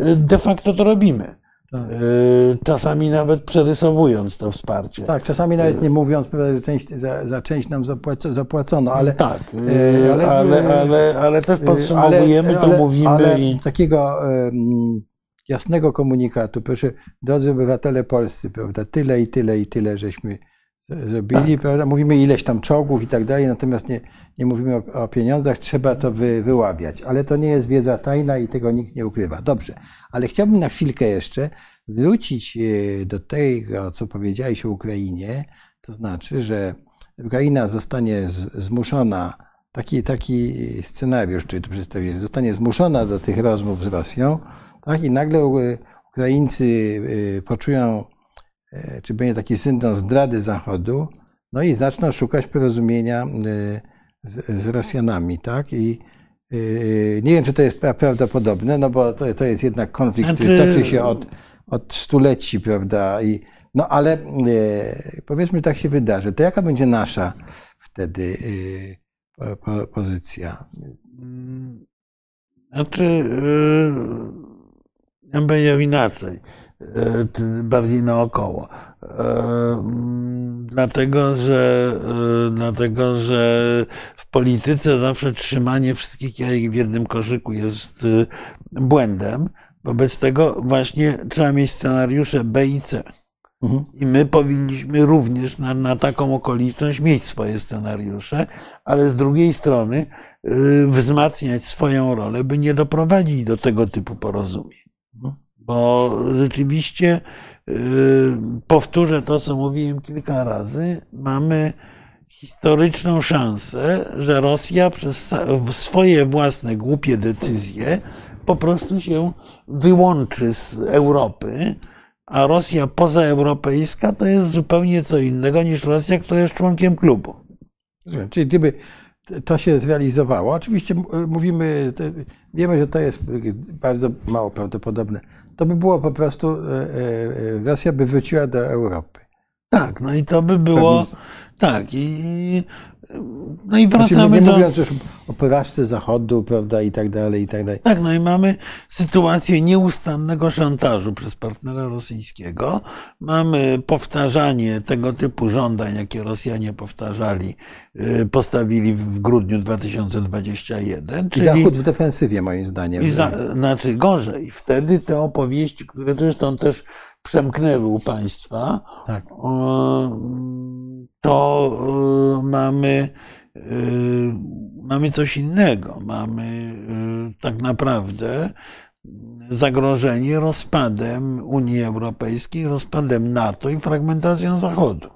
Mhm. Znaczy, przegrany konflikt w tej skali, który w tej chwili toczy się pomiędzy Zachodem a nazwijmy to wschodem właśnie, to y, zawsze prowadzi do głębokich zmian przegranego. Jeżeli Europa by ten konflikt przegrała, to nam zaczyna grozić rozpad Unii, to nam zaczyna grozić y, rozpad NATO i tak dalej, i tak dalej. No, dla Polski jest to scenariusz absolutnie czarny. Znaczy katastrofalny moim zdaniem. No więc tak. oczywiście. Dobrze, to co? Przejdziemy tak, no to jest pytanie oczywiście o ukra ukraińską ofensywę.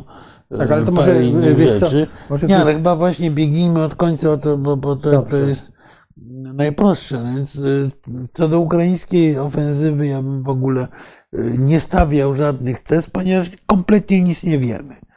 Wiemy, że wojska ukraińskie o nie, w nieznanym nam wymiarze, czy to jest pełnowymiarowe uderzenie, czy to jest uderzenie maskujące, ruszyły na Tokmak. Tokmak to jest miasto, zresztą też tam zniszczono tamę, które stanowi taki punkt zwornikowy, centrum logistyczne Rosjan na południu Ukrainy, na terenach okupowanych. To są tereny najbardziej wartościowe politycznie z punktu widzenia ukraińskiego i y, prawdopodobnie tam y, była przymiarka do, do, do realnych, do realnych prób ofensywy. Natomiast wysadzenie tamy w Nowej Kachowce bardzo to, bardzo to utrudniło.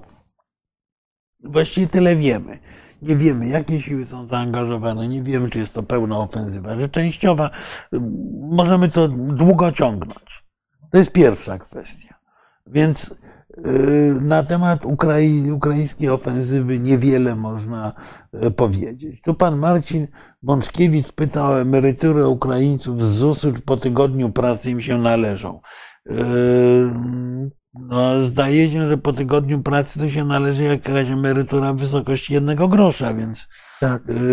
To jest zupełnie trzeba inaczej przyjrzeć się tej kwestii, bo to dotyczy, że reszta emerytury będzie, to jest łączenie systemów. Mamy podpisane porozumienie, tak, tak jak tak jak mamy łączenie systemów, na przykład jak ktoś pracował, część czasu przepracował w no Niemczech, nie, w a potem Stanach, w, w Stanach, Niemczech, prawda, tak. i tak dalej. Tak samo jak ktoś część czasu przepracował w Ukrainie, a potem zaczyna pracować w Polsce, to się te emerytury łączy. I takie mamy podpisane porozumienie. Natomiast nie jest tak, że ktoś przepracuje w Polsce miesiąc i dostaje pełną, czy tam najniższą e, e, emeryturę. Tak, to znaczy nie będzie to żadna, żadna wielka emerytura. Yy, no ja mogę powiedzieć z własnego doświadczenia, że ja zatrudniałem na przykład obywatelkę Ukrainy u siebie w ambasadzie, jeszcze tam pracowała kilka lat w Polsce no i dostaje jakieś tam sto kilkadziesiąt złotych czy dwieście polskiej emerytury rzeczywiście. No, ale... A, a resztę musi w swoim systemie tak. dostać, prawda? Tutaj pojawiają nam się trole rosyjskie, moim zdaniem, które e, zadają takie pytania, a komu się udało skłócić nas Słowian, a drugi tam ktoś pisze, to, nie nasza wojna, to e, e, USA i Ukraina tę wojnę zaczęli. Tak, to w tej chwili było nie, to, to już, znaczy ja bym nie chciał tego komunikować. Tak, po pierwsze z tym skłóceniem Słowian, to, to, a kiedy ci Słowianie nie byli skłóceni? No. Myśmy się tłukli ze wszystkimi Jedność słowiańska jest... E, Fikcją. E, znaczy nie, no to jest e, program polityczny caratu w pewnym momencie, taki, no który taka... potem przejęli komuniści, który mhm. jest de facto przykrywką dla rosyjskiego imperializmu. Wobec tego, jak słyszę o jedności słowiańskiej, to mam zawsze to mam zawsze z tym problem. Ja, ja, to traktuję, bo to się ciągle pojawia, że to jest taki właśnie ze swojej istoty taki rosyjski prawda, wątek w tym. To pachnie, no, to, no tak, to, to jest myślenie tak? rosyjskie, to jest myślenie również popularne, na przykład autentycznie w niektórych krajach yy, bałkańskich, no bo ma, malutkie narody bałkańskie, typu właśnie Serbowie czy czy Czarnogórcy, no to rzeczywiście tą protekcję Rosji wobec y, Turcji czy Austro-Węgier y, odczuwali i mówili o tej jedności słowiańskiej. No ale dla Polaków, dla Czechów y, opowieść o jedności słowiańskiej jest w istocie opowieścią o dominacji rosyjskiej. I rozumiem, że pan Marcin E. odpowiada pani Bogusławie, czyli temu naszemu potencjalnego, jak przypuszczam, celowi, Chwała Germanom, chwała German, chwała Germanom. E, no, tu jest ciekawy wątek, dlatego że Germanie w pewnym momencie na przykład Polskę uratowali. Jakby hmm. Mieszko II skąd przyjechał, tak. prawda? Razem z wojskiem e, niemieckim, czyli cesarskim, no, prawda?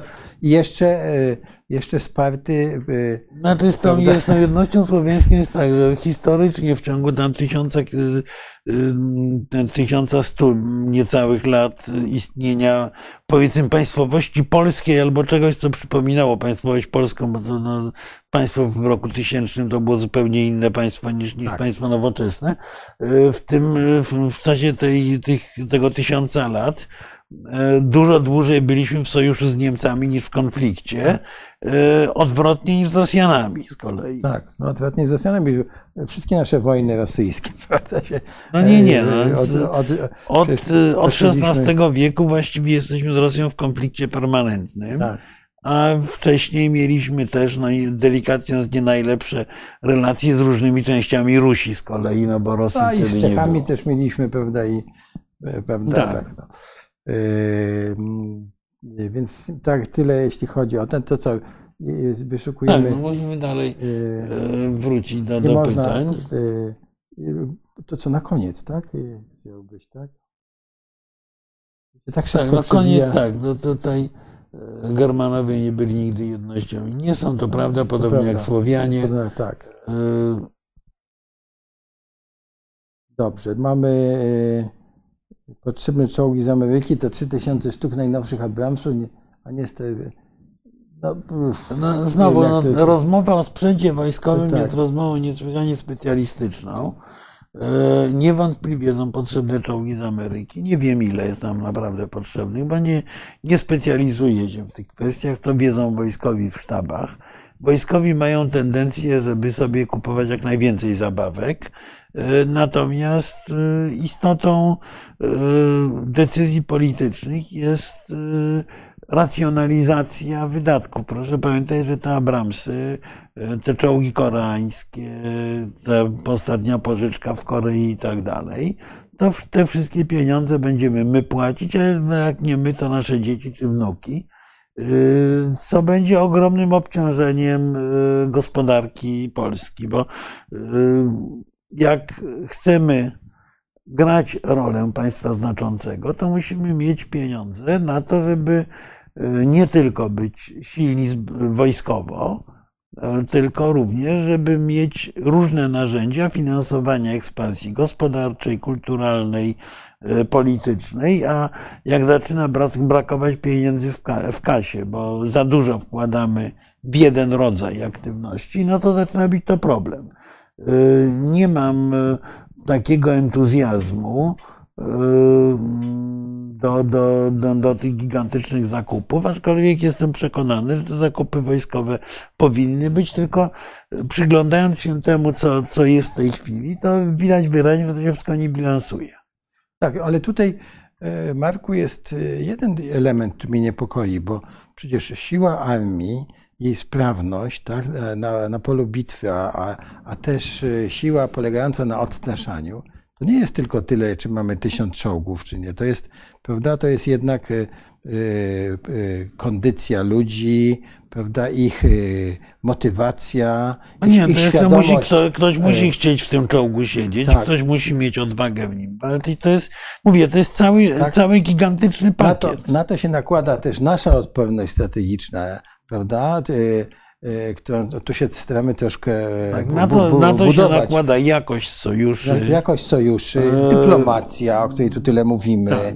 i tak dalej. To buduje e, odporność i potęgę kraju, prawda? I też spójność narodowa, której nie mamy, prawda? Jesteśmy kompletnie rozbici. E, Tak. Tak, prawda? I, no i, i to, co mówisz, jakość sojuszy. No, prawda? E, W tej chwili z dnia na dzień ja patrzę ze smutkiem, prawda, jak ta e, potencjalny nasz e, sojusz w przyszłości z Ukrainą odchodzi e, w cień. e, W zasadzie z, No nie, ale z, wypad- powodu, rozumiesz, jakichś wewnętrznych, w małych, małych Ukrainy- interesów. Tak, tylko w wypadku Ukrainy musimy mieć świadomość, że właściwie jedyną gwarancją wobec skali zagrożeń dla Ukrainy jest przyjęcie Ukrainy do NATO. I niewykluczone, że w Wilnie, no w ogóle myślę, że szczytowi w Wilnie warto, żebyśmy poświęcili jedną z rozmów, być może przed, przed szczytem. E, szczytowy, na szczycie w Wilnie może zapaść e, decyzja, która dla Ukrainy będzie trudna. Czyli, że sojusz jest gotowy na przyjęcie Ukrainy, ale jest gotowy na przyjęcie Ukrainy w granicach niepełnych, w granicach tych, na których Ukraina, nad którymi Ukraina panuje. Tak. I ten obszar będą obejmowały gwarancje natowskie, Mhm. a pozostałego nie. Czyli oznaczałoby to no de facto de, de, de, Wy, wy, wytyczenie wy- wytyczenie granic, prawda? granicy, tak? tak. I tu jest przywoływany zresztą bardzo ciekawy, Gruziński przypadek, tak? bardzo ciekawy przypadek, bo to jest przywoływany przypadek Republiki Federalnej Niemiec. A, no I właśnie. że Republika Federalna Niemiec została przyjęta do NATO, mimo tego, że miała granice nieuznawane, bo Niemcy nie uznały przecież Mhm. ani powstania NRD, ani zachodnich y, granic Polski. Y, I tak jak to powiedział któryś z amerykańskich polityków, ministrowi spraw zagranicznych Ukrainy, że no i, i- Niemcy w końcu odzyskały prawda? tak, Te- tak. To, to, to, co chciały. Wobec tego tego typu propozycja się może pojawić. Nie, Niemcy odzyskały, bo się rozpadło. e, No, no, e, e, no, państwo sowieckie, Państwo tak. sowieckie, czyli w zasadzie ten model e, imperium rosyjskiego się No tak, rozpadł. no, ale, ale ro, pomiędzy przyjęciem Niemiec do NATO a rozpadem Sowietów minęło 30 Tak, parę tak, ja lat. nie rozumiem, tylko ja mówię, jak się potoczyła, jak się toczy historia. Tak, no w każdym razie, w każdym razie jest precedens przyjęcia kra, dużego kraju o nieuznawanych granicach. Ale zobacz, e, jak to już o tym mówimy, zobacz, jak to się zmieniło, prawda? Bo jak weźmiemy ten e, e, szczyt NATO w Bukareszcie, prawda, gdzie była kwestia przyjęcia Ukrainy i Gruzji. Gruzji, prawda, gdzie powiedziano, że najpierw się pokłócono, prawda, Francja głównie ze Stan- z Bushem, się, już nie Znaczy Sarkozy, bardziej Niemcy chyba, bardziej E, Angela tak, Merkel. Tak. I w końcu powiedziano, że ich przyjmą, ale nie dano żadnych gwarancji, co oczywiście Mhm. e, było sygnałem dla Rosji, że, że trzeba tu coś zrobić, prawda? I, No i napadli najpierw na Gruzję, potem na- i- na i- Ukrainę. I wykluczyli ją. Tak, tutaj mamy zupełnie, zobacz jaką inną sytuację, prawda? Gdybyś tak się zdarzyło, że e, e, NATO da tę gwarancję Ukrainie, prawda? Jaka to jest inna sytuacja niż ten, to było 2000, który? O, 2008. 2008, prawda? Jak się, jak się No nie, no, ale y, myśmy przeszli bardzo długą drogę. Tak. Miejmy tego świadomość. Rzeczywiście początek XXI wieku to był moment, kiedy trzeszczały te wewnętrzne spoiwa i NATO, i y, Unii Europejskiej. Prawdę mówiąc, no, y, w, w połowie drugiej dekady, kiedy Węgrzy, Polacy, częściowo Włosi zaczęli podważać w ogóle istotę integracji europejskiej, no to wydawało się, że coś tu, coś za chwilę pęknie. Pamiętamy kryzys uchodźczy 2015 roku. Zresztą tu też padło pytanie, Pytanie- o, re, o relokację Tak. w pewnym momencie, ale, yy, ale tak naprawdę no, spoiwem wszelkich sojuszy najlepszych jest wspólny wróg. tak. I najpierw y, aneksja Krymu była takim trochę dzwonkiem alarmowym.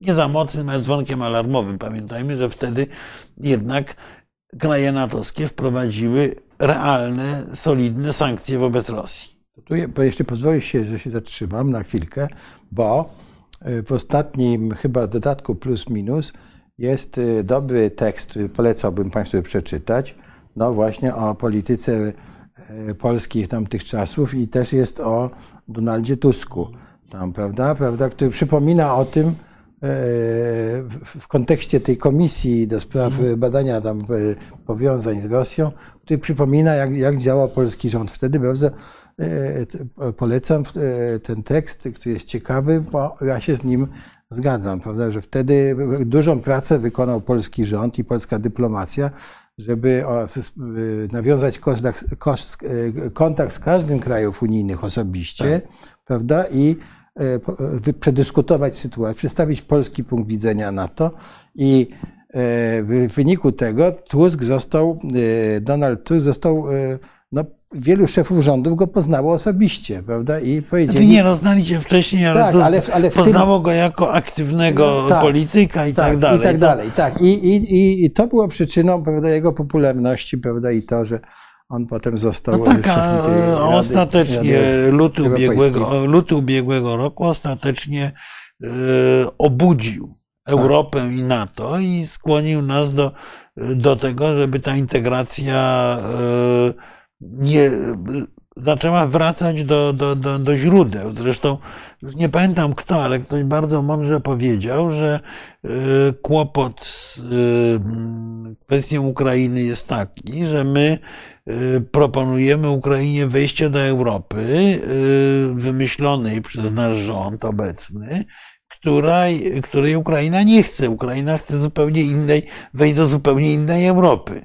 Tak. Także oferujemy coś, co dla Ukrainy jest mało atrakcyjne, tą Europę ojczyzny, a nie ingerującą w sprawy wewnętrzne. A Ukraińcom jest potrzebna akurat ingerencja w sprawy wewnętrzne, bo inaczej z problemami korupcyjnymi, organizacyjnymi, oligarchicznymi i tak dalej sobie nie poradzą. Tak. Więc Yy, i tak dalej, jest i tak dalej. Potrzebny nam im jest impuls z zewnątrz, e, e, Tak, takie, ale, to, ale generalnie bym powiedział, no kwestia e, zbudowania jedności europejskiej, tu zresztą też padło pytanie w pewnej chwili o przemówienie Macrona w Bratysławie, no co jest, który jest pewną próbą rysowania jedności europejskiej, aczkolwiek w modelu w takim, który mnie niekoniecznie przekonuje, szczególnie jeśli idzie o relacje z Rosją bo ja sądzę, że y, znaczna część Europy, zresztą tu też padało pytanie właśnie, na ile społeczeństwa Ukrainy, Polski, Unii Europejskiej są świadome konsekwencji tego, co się dzieje. Otóż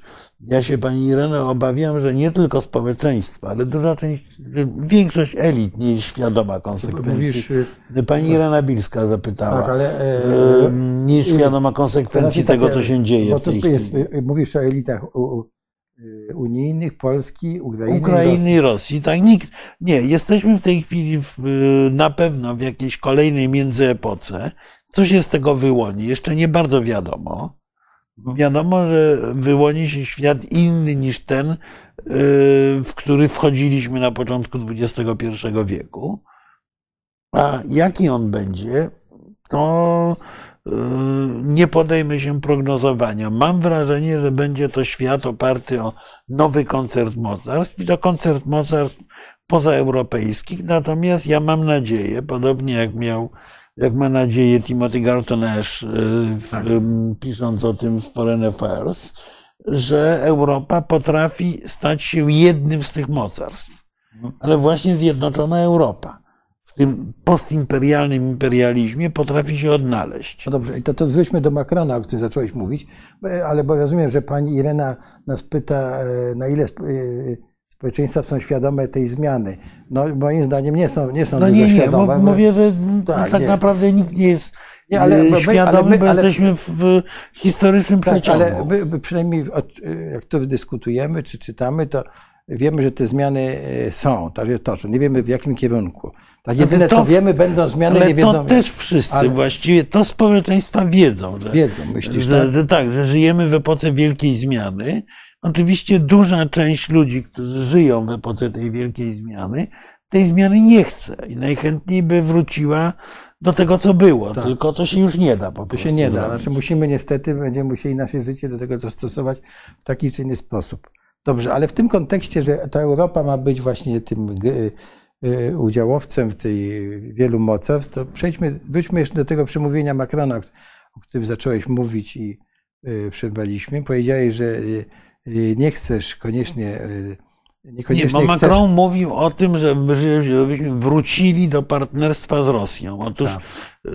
y, uważam, że to powinien być polski cel numer jeden, że nie ma partnerstwa z Rosją, że je, może być dialog z Rosją, może być oczy- współpraca z Rosją, ale nie partnerstwo. Rosja, znaczy, krótko mówiąc, Rosja wykluczyła się z naszej rodziny i w tej rodzinie nie chcemy. Rosja jest naszym sąsiadem, a nie Tak, częścią Europy. Tak, Koniec znaczy Rosja kropka. złamała wszystkie Tak. za- zasady, jakimi my się kierujemy. Tak. I to powinien być m, tł- na każdym spotkaniu to powinno być sygnalizowane, prawda? Nie dlatego, że Rosjanie są B, tylko dlatego, że złamali Tak. zasady nasze, nie pasują do nas i tak dalej. E, Sprowadzili nie- nieszczęście, zmusili nas do, nie wiem, do wydatków i tak dalej, i tak dalej. Tak, Ale tak, tak. Znaczy, że Rosja mentalnie postawiła się poza Europą i okej, Europa jest gotowa wyciągnąć do niej rękę, prowadzić z nią dialog, ale nie jako partners, nie, nie dialog partnerski, ponieważ jest to nasz sąsiad Europy, a nie, y, a nie y, członek europejskiej rodziny. A co, zaraz tu się pojawi pytanie, a co z, z tym business as usual? E, to już nie- To jest bardzo dobre pytanie, ale tylko yy, Niemcy zainwestowali grube miliardy. To nie, yy, nie tylko państwo, ale również prywatny biznes, na przykład yy, w dostawy gazu sk- mm, skroplonego. Niemcy zainwestowały w dostawy ropy z dodatkowych kierunków. To zaczęło działać. Jest potężna grupa, która na tym zarabia. I y, y, oni będą chcieli, żeby ten biznes się toczył, bo, bo wyłożyli własne pieniądze. Czyli y, business as usual dotyczy coraz mniejszej grupy, w tym ludzi bardzo mocno skorumpowanych. No ja teraz ukazała się we Francji taka książeczka Rafaela Glicksmana, mhm. podsumowująca eurodeputowanego syna słynnego filozofa Andrzeja mhm. Glicksmana, e, podsumowująca wpływy rosyjskie w Europie, gdzie on e, zestawia właściwie informacje, o których prędzej czy w różnych momentach słyszeliśmy, ale jak pokazuje, że każdy kolejny kanclerz austriacki pracuje na rosyjskim etacie, E, ministrowie z Czech, e, Francji, Belgii, e, Niemiec, Austrii, jeszcze jakichś dwóch krajów pracowali na, na Europie, na rosyjskich etatach. To, to powinien być pierwsi wezwanie na, na, na tą komisję naszą. No nie, no, to, ale skala tego zjawiska jest przerażająca. Ja sobie nie zdawałem sprawy, aż taka jest. Mhm. Są dziesiątki ludzi ze ścisłych elit politycznych Zachodu, którzy byli po prostu zwyczajnie korumpowani przez Rosjan. Prawda? I yy, Glicksman opowiada tak spokojnie o kolejnej falach wpływów rosyjskich, że to musimy w końcu przeciąć, bo oczywiście jesteśmy wolnymi ludźmi w wolnej gospodarce, w porządku, yy, natomiast yy, no, gdzieś są tego granice. I te granice niestety mm, politycy zbyt łatwo przekraczali. To afera korupcyjna w Parlamencie Europejskim, katarska, y, to jest, y, to jest mały pikuś w porównaniu z wpływami rosyjskimi, ale być może powinniśmy sobie zadać pytanie, co jest nie tak ze światem politycznym, że tak łatwo pozwala się korumpować właśnie krajom niedemokratycznym. Myślę, że jednym z powodów jest to, że my sami przed sobą udajemy, że to są normalni partnerzy, że nie wiem, może Kantor jest po prostu prostym biznesmenem i on może stanąć do przetargu o polskie azoty. No. Wracamy do samego początku naszej debaty, że w Rosji nie ma żadnych oligarchów, tylko są reprezentanci państwa. No i tak dalej, i tak dalej. No musimy, yy, musimy to uświadamiać właśnie w odpowiedzi na takie stwierdzenia, jak stwierdzenie Macrona. Bo o ile Macron paradoksalnie słusznie mówi o tym, że my za dużo mówimy o wschodniej flance, że w podtekście, że Europa jest całością, prawda? Owszem, w jakimś sensie tak. No, ta wschodnia flanka w tej chwili odgrywa szczególną rolę. Natomiast tutaj, jeśli idzie o Rosję, należy jasno powiedzieć, y, Rosjanie się wypisali bardzo dobrze, krzyżyk na drogę, Yy, ewentualnie jeszcze możemy im tę, tę drogę ułatwić, ale tu jest następna część tego problemu. Ale ta droga nie powinna być drogą do Pekinu. Bo Pekin jest zagrożeniem jeszcze większym niż Moskwa, tak naprawdę. Więc musimy mieć yy, być może nowe, no, nową, poli- nową, być może musimy mieć nową europejską politykę sąsiedztwa, tak jak była polityka sąsiedztwa, partnerstwo wschodnie, no wiesz, tak dla, jak dla polityką... Rosji, dla Rosji nie możesz e, dlaczego? E, stworzyć takiej polityki partnerstwa, gdzie wszyscy są równi. Dla Rosji, możesz, wiesz, to są, co mówiło o tym, że przeciwnikowi trzeba stworzyć złoty most, nie, żeby no. mógł się wycofać. Tak? Więc to, nie, no Rosji, dla Rosji możemy stworzyć politykę partnerstwa, bo pamiętajmy, no była również polityka partnerstwa zwana procesem barcelońskim dla obszaru Morza Śródziemnego. O ile partnerstwo wschodnie było obliczone na zbliżenie, a być może nawet przyłączenie tych krajów do Unii Europejskiej, o tyle nikt nie miał pomysłu przyłączania Maroka, czy tym bardziej Algierii do Unii Europejskiej, czy Egiptu ale chcieliśmy zbudować relacje partnerskie, e, politykę, która będzie ułatwiała wymianę handlową i tak dalej, i tak dalej, pod warunkiem, że nasi partnerzy przyjmą nasze reguły gry. No więc, krótko mówiąc, trzeba zacząć myśleć już pomału o tym, żebyśmy mieli politykę partnerstwa z Rosją.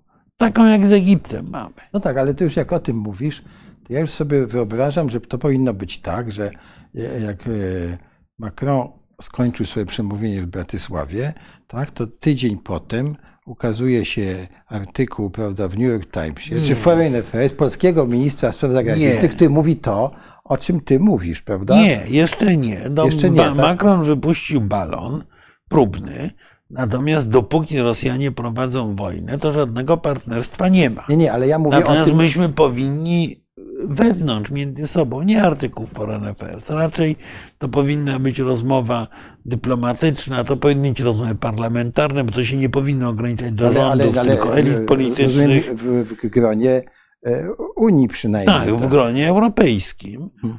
E, jak co powinniśmy mieć w tym pakiecie. No przecież też partnerstwo wschodnie nie zostało e, wymyślone w ten sposób, że sobie wyszedł minister polski z ministrem szwedzkim i rzucił partnerstwo wschodnie. No miesiącami tak. konsultowano tak. założenia tego programu, szukano poparcia i tak dalej. No, do, do, powiedzmy jeszcze, że dyplomacja operowa, która polega na wyśpiewywaniu kwestii, zanim się jeszcze cokolwiek zrobi, no to jest specjalność głównie obecnego polskiego rządu i, może też częściowo nawet już zaczęła przechodzić szczęśliwie.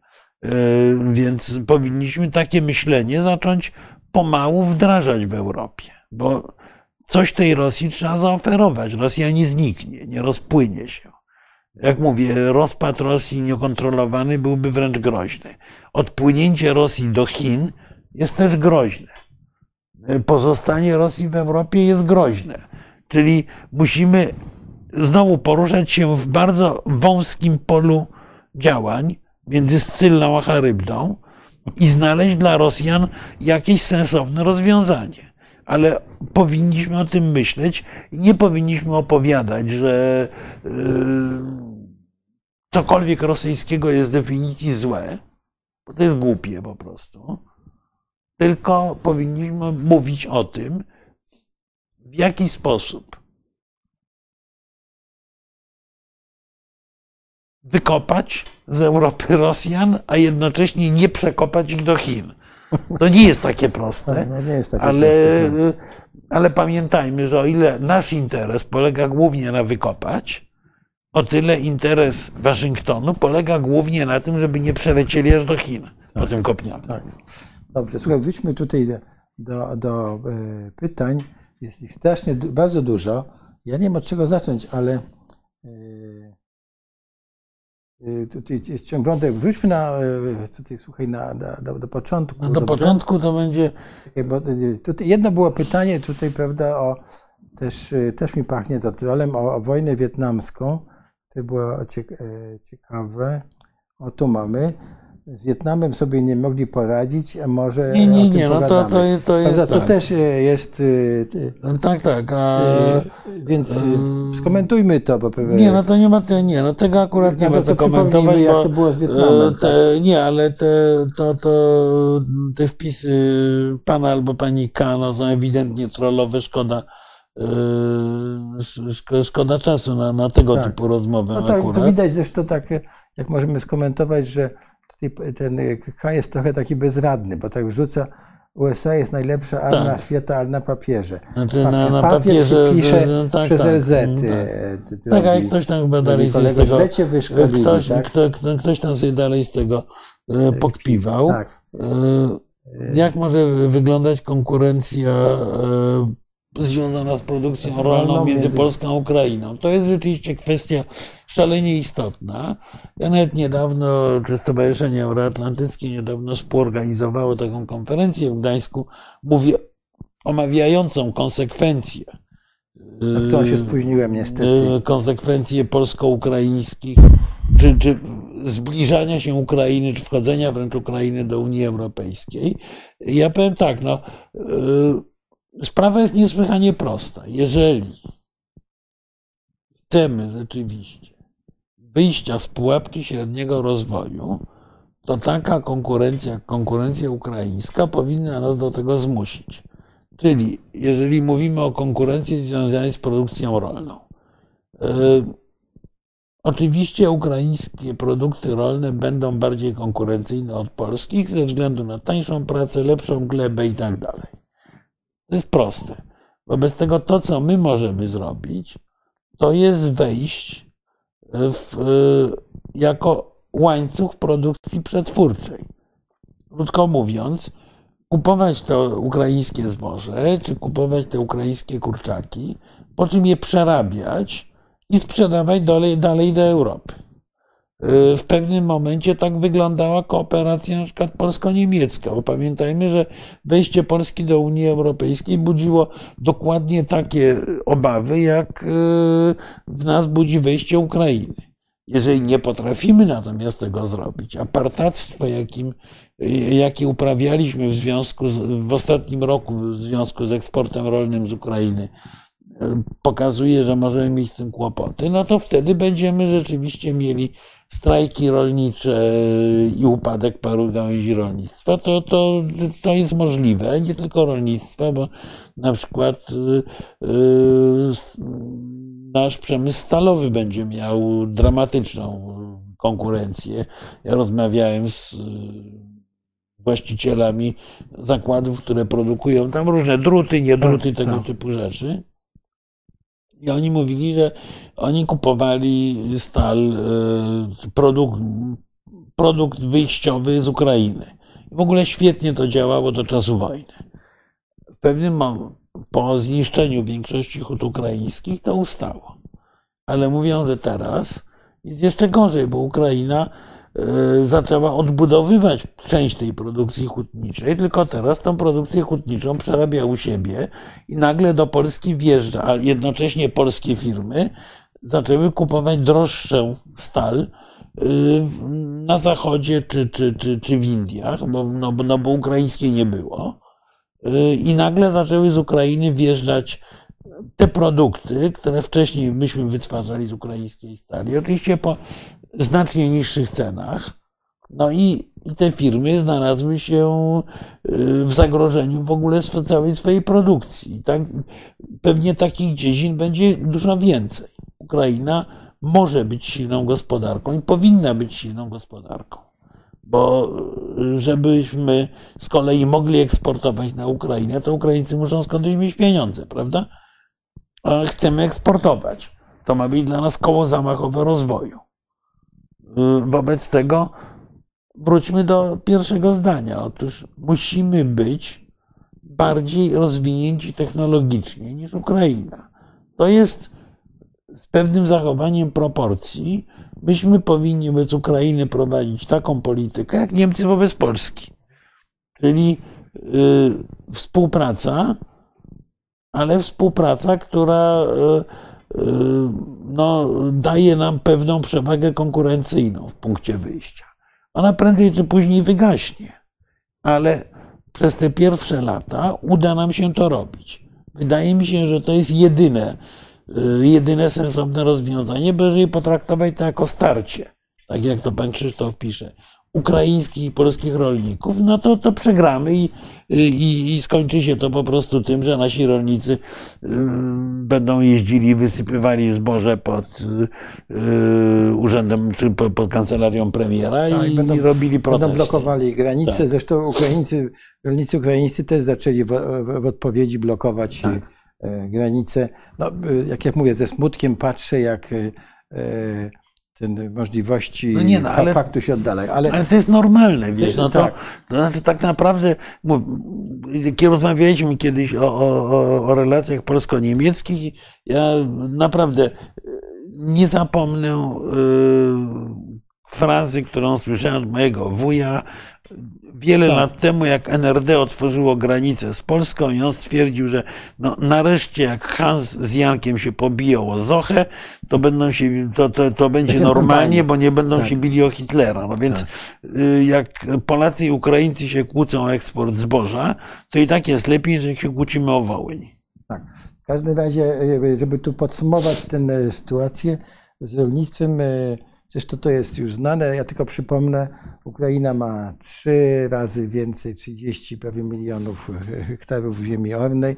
Ona jest w skrócie wielkim, wielkim uproszczeniu, trzy razy bardziej wydajna, tak? I yy, proszę Państwa, czyli trzy razy więcej ziemi, trzy razy bardziej wydajnej i do tego jeszcze e, nasze rolnictwo jest rozdrobnione, rolnictwo ukraińskie, jedna trzecia, czyli 10 milionów hektarów znajduje się w rękach e, koncernów. e, e, W tej Głównie chwili, zachodnich Głównie zresztą. zachodnich, bardzo nowoczesnych, czyli to oznacza, że produktywność będzie jeszcze zwiększona nowymi technologiami, prawda, uprawami, nawozami, odmianami pszenicy, które tam będą wprowadzane na dużą skalę. I teraz tak, e, ja rozmawiałem o tym z, z pewnymi ludźmi od rolnictwa, e, czy, czy- czy to będzie groziło. I oni mi powiedzieli, e, że e, e, popyt na żywność na świecie będzie się zwiększała. Tak? I że handel pszenicą się odbywa głównie prawda, przez, y, na, na, na giełdach i, i tak dalej. I tam się te, i że to wcale nie musi być tak, że ta pszenica, że to jest sytuacja wyjątkowa, ta pszenica wjeżdża teraz do Polski. Tak? Że, że po prostu oczywiście to będzie trudno Ukrainie, wyeksportować e, i to zwiększy cenę tego zboża, jeżeli nie będą mieli dostępu do morza, czy będzie ograniczony, czy wojna będzie trwała. I, i To znaczy prawdopodobnie y, tego może być właściwie pewnie, że część, istotna część tranzytu z Ukrainy Tak. będzie szła jeszcze długi czas przez Polskę, choćby ze względu na to, że po Morzu Czarnym będą pływały miny i koszty Tak. Oczywiście. ubezpieczenia Będą fraktu duże. będą dramatycznie Tak. wysokie. Więc tutaj jest y, wskazówka dla y, na, naszych firm, prawda, czy naszego rządu. Trzeba wspierać y, rozbudowę odpowiednich nabrzeży, przeładunków, odpowiednich silosów, nie, no jest, wagonów i tak dalej, i tak cały dalej. pakiet. Czyli no. to, co powinno być zrobione, a, jeszcze, a jeszcze po drodze stawiać gorzelnie, żeby to zboże przerabiać na spirytus. kto to ma pić? A, y, to, Do przemysłu chyba. To może być, y, to może i dodawane do biopaliw, to może i do przemysłu, do wszystkiego, a wypić też się da. Dobrze, to by było dobre. No dobrze, w każdym razie, proszę Państwa, więc... y, Zwracam uwagę, że Polska niby wódką stoi, a na świecie wcale łatwo polskich wódek się nie, kup, nie tak, kupi. tak, no właśnie. Łatwiej kupić ukraińskie. Tak, No dobrze, nie mówiąc o razie- rosyjskim. W każdym razie, proszę Państwa, jeśli mamy sobie poradzić z tą kwestią rolną, to znowu stoi przed nami zadanie ogromnej mo- modernizacji i pytanie o to, czy y, nasza polityka rolna, bo to nie jest do końca tak, że jest wspólna polityka rolna, decyduje o wszystkim, jest o, o, ogromna pole do działania dla krajowych polityk rolnych, prawda? I czy nasze, nasz sp- sposób wspierania odpowiedniego rolnictwa, przetwórstwa i tak dalej e, nam się wydarzy, czy nie. Więc e, to jest tak, to e, podsumowując bardzo No to skrótowo tą umówmy się, że to nie o pszenicę wyłącznie chodzi. To są Tak. kurczaki, to jest miód, to są owoce. Tak.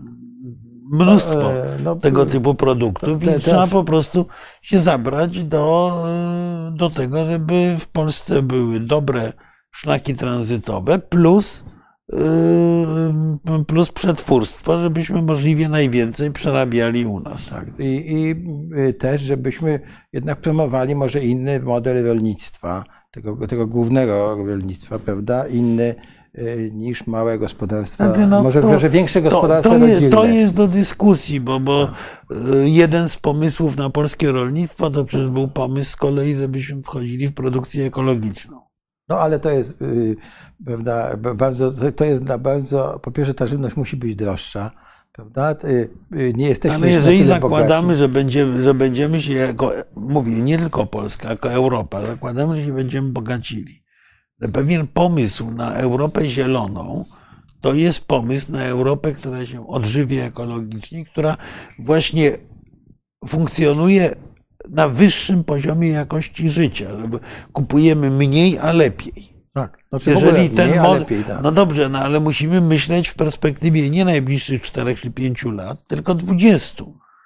W przeciągu dwudziestolecia Europejczyk to powinien być gość, który kupuje nie co 3 lata nowego Fiata, tylko kupuje raz na 15 lat yy, samochód klasy premium, którym jeździ dłużej, żeby nie, nie, nie niszczyć środowiska. To jest gość, który kupuje nie dwa kilo szynki napompowanej wodą, tylko pół kilograma szynki wysokiej jakości i tak dalej, i tak dalej. No, jedne są mniej, znaczy więcej. Inaczej. tak, czyli spróbujmy się do tego nowego modelu pomału do przymierzać, a konkurencja y, ukraińska y, może nas do tego zmusić, bo oczywiście prawda jest taka, że y, jeżeli ktoś nie, jeżeli nie jesteśmy zmuszeni do jakiegoś działania, to go nie wykonujemy zazwyczaj. Tak. No niestety. Albo nie, e, jak Mhm. nie jesteśmy, to nie wykonujemy, Tak. tylko tkwimy w starych No e, tak, tak, schematach, tak. przyzwyczajeniach. No to e, też. Tutaj jest chyba też ciekawe pytanie. Pa- Pan nas pyta, panowie, gdzie byliście, jak USA wprowadzała się siłą demokrację na Bliskim Wschodzie? No ja chciałem przypomnieć, Nie, że... Polska, po, Polska, Polska to są regularnie takie pytania e, antyamerykańskie i prorosyjskie. E, Otóż e, byliśmy w koalicji ze Stanami Zjednoczonymi, e, a że to demokracja była wprowadzana po partacku, to, to też jej nie wprowadzono, no, najkrócej mówiąc. Najkrócej mówiąc, y, tak. Y, Jednym słowem, ja pamiętam, pracowałem z takim panem, właściwie z dwoma panami, którzy spędzili i w- jeszcze w PRL-u ileś czasu w Iraku, na polskich y, y, budowach. No i mieszkali tam. Jak oni y, się interesowali oczywiście tą wojną, jak zaczęli czytać o, o tym, wiesz, wprowadzeniu tej demokracji, to po prostu oni już mi mówili wtedy z uśmiechem, że to się nie da, że to po prostu zupełnie Oczywiście, inna no bo to jest kultura i inna tak dalej. mentalność, inna I- kultura, inny I styl ja, ja tylko się dziwiłem po prostu tej jednak naiwności dużej Amerykanów, Tak. którzy twierdzili, że to się ale, da. oni, no. ale oni sami się do tej naiwności w pewnym momencie przyznawali. Tak, i przyznali się do rzeczywiście tego, nie tak. korzystali z naszego doświadczenia, które tam się akurat mogło przypadkiem przydać. Tak. Yy, czekaj, bo tam jeszcze było ciekawe py- pytanie. Yy, Tutaj jest pan Radosław. Najważniejsze jest, do jakich ustępów gotowi są Ukraińcy. W jaki sposób gwarantować Ukrainie inwestowalność, bo w całkowite odbicie rosyjskich terenów zajętych od 2014 roku to chyba nikt nie wierzy. Ale to, To jest mówiliśmy. bardzo dobre, tak, Tak, to jest ale- bardzo dobre pytanie, ale myślę, że e, to muszą sami Ukraińcy na te pytanie No, odpowiedzieć, a e, z kolei losy ofensywy i frontu pokażą nam, na, jakie mają możliwości odbijania terenów. Tak, ale w każdym razie to niebezpieczeństwo, bo e, to, że oni e, zostaną skłonieni jakoś do, do pokoju, prawda? I, i będzie, to, będzie to poczytywane jako zdrada. Tak, e, to jest to możliwe jest, oczywiście. Tak, to jest bardzo poważne. No, tym bardziej, że rzeczywiście no, oni ponoszą ogromne ofiary i Tak. tak jak ja, e, przynajmniej z ludźmi, z którymi ja rozmawiam, oni powiedzą ani kroku w tył, tak. No. No Ale z drugiej strony mamy do No czynienia... i trudno im się dziwić, bo jakby powiedzieli, że krok w tył, to by zrobili trzy i przegrali wojnę. Tak, oczywiście. E, Tu mamy. Tak, elektrownie mają swój własny zbiornik wody. Mówiliśmy o tym, o jeszcze Tak. o zbiorniku. No tak, to pan Karol nie ma racji, no, generalnie, y, natomiast ma rację szczegółową, tylko mówię, no, y, myśmy mówili o, o czymś zupełnie innym. Padło pytanie o Macrona, staraliśmy się na ten temat powiedzieć.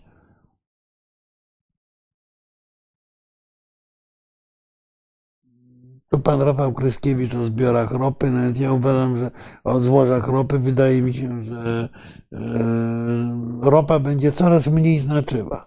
Właśnie, tu zresztą pada dalej ta, taki podobny Tak, komentarz. e, Tutaj ciekawe jest też, że nawet y, Saudyjczycy, Saudowie sobie z tego zdają sprawę, Tak.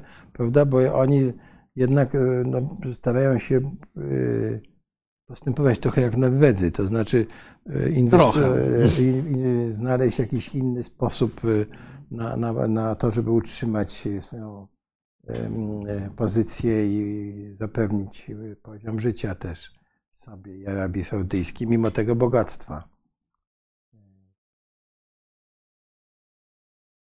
Jest pytanie, słuchaj, pana Kaladion, czy pani Kaladion, pytający nas tak, panie ambasadorze, czy jest pan gotów przyznać, że list Jarosława Kaczyńskiego w 2011 roku skierowany do ambasadorów Trochę państw urwane. ostrzegających przed odwracającym e, polskim imperializmem. e, rosyjskim. E, przepraszam, rosyjskim. tak. Jest, To znaczy, no ja francuskim. powiedział, no nie co, co ten list, bo pytanie jest nie do końca. e, Tak.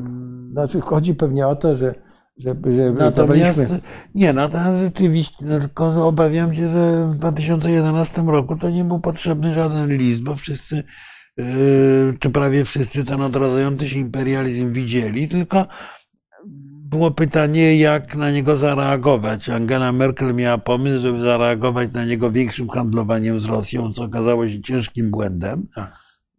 Ale myślę, że odradzanie tego imperializmu było gołym okiem widocznie dużo wcześniej, tak naprawdę, od przynajmniej 2007 roku. Tak, ale przypomnijmy też no, inne reakcje, na przykład no to przemówienie, które wzbudziło oburzenie w, Niemczech, prawda, jak, jak Radosław Sikorski, w, w końcu był ministrem spraw zagranicznych, prawda, reagował e, i nazywał budowę Nord Streamu chyba pierwszego, prawda, paktem tak, Ribbentrop-Mołotow i tak dalej. E, więc e, no tak, wiele ale... razy myśmy nie, no zgoda, no ale to po prostu to trzeba było, trzeba było reagować zupełnie inaczej. I to, to jest na trochę inną opowieść. Ja myślę, że ja myślę, że, że to jest to jest problem, że my nie potrafimy e, do partnerów zachodnich mówić zrozumiałym dla nich językiem. My mówimy, nawet jak mamy rację, to mówimy to często w taki sposób, że ta racja jest odrzucana ze względu na formę, a nie ze względu na treść. tak. Eee, tutaj jest pan AF. Unia Europejska, to Unia Europejska się rozpada, w Niemczech... Niektórzy tak twierdzą, tak zakładam, tak że nie ma, e, tak. że nie ma ale... pan pani racji, ale rzeczywiście te zagrożenia związane na przykład e, te zagrożenia na przykład związane właśnie z sukcesami AfD są e, zagrożeniami realnymi i i powinniśmy kombinować, w jaki sposób im przeciwdziałać. Tak, ja, to znaczy, to ja Natomiast ja tu mam y, rzecz, o której też chciałem, żebyśmy kiedyś porozmawiali dokładnie. Alpine Star, nie wiadomo pan pani. Chińczycy rozbisurmanili się w Afryce, żaden tubylec im nie podskoczy. Y, otóż y, Chińczycy w tej chwili się w dużej mierze zwijają w Afryce. Paradoks polega na tym, że ja mam te informacje z kilku krajów afrykańskich. Chińczycy y, robią miejsce Rosjanom. Chiny po prostu nie doceniły rozmiarów afrykańskiej korupcji i niezdolności dyktatur afrykańskich do kooperacji. Chińczycy raczej starają się zostawiać to Rosjanom, którzy działają z kolei na, głównie poprzez grupę Wagnera czy podobnego typu instytucje, również gospodarcze, i którzy zapewniają pewien minimalny parasol nad chińskimi inwestycjami, ale Chińczycy potopili górę pieniędzy w Afryce i mają, i mają w tej z Afryką coraz większy problem. To znaczy, nawet jak, się, nawet jak się udało zbudować autostradę, nagle się okazało, że prawda, ten beton czy te nawierzchnie się kruszą, prawda? I, i, no bo po prostu. Ale nie tylko, to, to jest. Nie, nie tylko, to okazuje się, że kredyty są niespłacalne, władza tak. się zmieniła, nowy, no, nowa władza stwierdziła, że poprzednia była zdradziecka, wobec tego nie będzie płacić zobowiązań. No, po prostu jest coraz więcej sygnałów, że, że pomysł na inwestycyjne opanowanie Afryki przerósł Chińczyków mhm. trochę. Przerósł ich wyobraźnię. E, tutaj jest pytanie, e, jakie są szanse aneksji wschodnich terenów Rosji przez Chiny? O tym trochę e, mówiliśmy. mówiliśmy nie są nie, nie, są wielkie, ale są to realną dalek, opcją. W dalekiej przyszłości może, ale po co, Chin, po co Chińczykom byłyby te tereny? To, to, nie no, to zależy, które. No. Część które, ma, tak, ale... terenów mandżurskich to uważają, to są Chiny w ogóle. Więc tak, ale ja bym jeszcze. To nie byłaby aneksja, tylko ja, odzyskanie, ja natomiast takie zagrożenie jest, ale, no, ale to by właśnie wymagało czy, czy byłoby uwarunkowane rozpadem Rosji i, i jakimś kompletną anarchią w Rosji. Tak, ja bym na chwilę jeszcze wrócił, wiesz, do tej e, e, e, alternatywy für Deutschland, do tej, że uzyskują duże poparcie właśnie we wschodnich landach, bo ja uważam, że to jest nasz problem również. I niestety w historii, i to się toczy, to jest tak, że stare trupy mogą powypadać z szafy, prawda? I my y, wrócimy do bardzo złych relacji z Niemcami, prawda? I my powinniśmy z, nie, z niemieckim rządem obecnym demokratycznym bardzo współpracować, żeby temu zapobiegać. Tak, z dwóch stron. I e, moim zdaniem e, obecne działania w ogóle temu nie, służy, nie służą, tylko oprócz tego, że sobie tutaj, nie wiem, na jaki budujemy, prawda, tu mamy w naszych komentarzach dużo e, objawów tego, że się buduje to antyniemieckość, no to się wywołuje, e, e, że taka partia w Niemczech zyskuje na popularności, tak? tak? No bo jak my żądamy od tych Niemców na przykład reparacji wojennych, co, co jest nigdzie niezrozumiałe w Europie, po, po co my to robimy i tak dalej, tak? No to oni niektóre środowiska, prawda, sączą tym ludziom, prawda, że to mamy, to była wojna naszych dziadków, my, oni już wszystko zapłacili, prawda, i, i, tak. prawda, i a tutaj, no to... No to nie dziadków, już pradziadków. Pradziadków, tak, więc... Y, ile można, tak? No to, a przecież myśmy wtedy stracili, czy oddaliśmy im nasze mhm. ziemię, tak? No i się zacznie, tak? No, no, więc y, y, w historii, proszę Państwa, relacji krajów europejskich i innych, po prostu to jest, może być początek po prostu naprawdę, że trupy zaczną wypadać z szafy, y, więc no, tylko zwracam na to uwagę, że, że to jest, ten wątek no, dotyczy także nas i, i możemy my jako Polacy, jako społeczeństwo, czy nawet musimy wiedzieć, czego my chcemy, prawda? Czy chcemy pod, podsycać te, te relacje, tak? Czy chcemy jednak, żeby to było, e, one się rozwijały dobrze i nie dać się, że tak powiem, prowokować, ale że upominać naszych rządzących, że to jednak nam e, nie służy przyszłym pokoleniom. Znaczy, no, Czy zgadza się no, z tym? No, oczywiście, że tak. Znaczy, ja się przede wszystkim zgadzam z tezą, że Unia Europejska jest silna Unia Europejska, zintegrowana Unia Europejska jest w głębokim polskim interesie. Polski interes polityczny to jest, e, no to jest właśnie, e, to jest właśnie silna, zintegrowana Unia, ponieważ jesteśmy w takim miejscu Europy, że w innym wypadku zaczynamy być krajem frontowym, właściwie w każdą stronę, ze wszystkimi tego y, konsekwencjami. Pan Rafał pyta, czy Polska powinna mieć broń atomową. Y, na razie nie, natomiast ja myślę, że y, rozmowa o tym, że istnieje formuła tego nuclear sharing robiona przez Amerykanów, w której uczestniczą między innymi Niemcy, Brytyjczycy, czy, czy, czy, czy Włosi, to jest formuła, o której w pewnej sytuacji, jeżeli będzie, e, jeżeli będzie rosło zagrożenie, to moglibyśmy rozmawiać. Każde państwo nowoczesne właściwie w tej chwili ma możliwość wyprodukowania broni atomowej, ale, e, ale mm, pytanie, do czego Polsce ta broń atomowa w tej chwili jest potrzebna.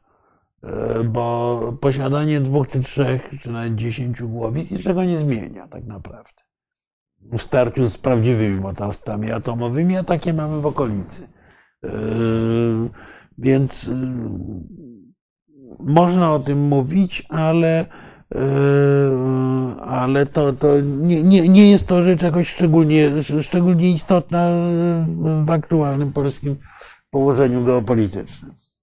Ale ja jestem ciekaw, czy, czy Ukraińcy nie sobie nie wyprodukują broni atomowej, wiesz, bo moim no. zdaniem oni ma, mają e, e, know-how i mają e, nie, no mają know-how, ale mówię, właściwie wszystkie nowoczesne kraje, czego do, do udowodniła to RPA w pewnym momencie, tak. produkując broń atomową, mają takie możliwości techniczne, natomiast dla Ukrainy ta broń atomowa miałaby inny ciężar gatunkowy niż dla Polski, yy, aczkolwiek też no, Ukraina musiałaby mieć 150 głowic, co najmniej, czy 200, tak. żeby, żeby o czymkolwiek rozmawiać, a yy, przy wyprodukowaniu piątej prawdopodobnie byłaby obiektem międzynarodowego nacisku albo wręcz napaści rosyjskiej w ramach obrony przed, yy, przed bronią atomową.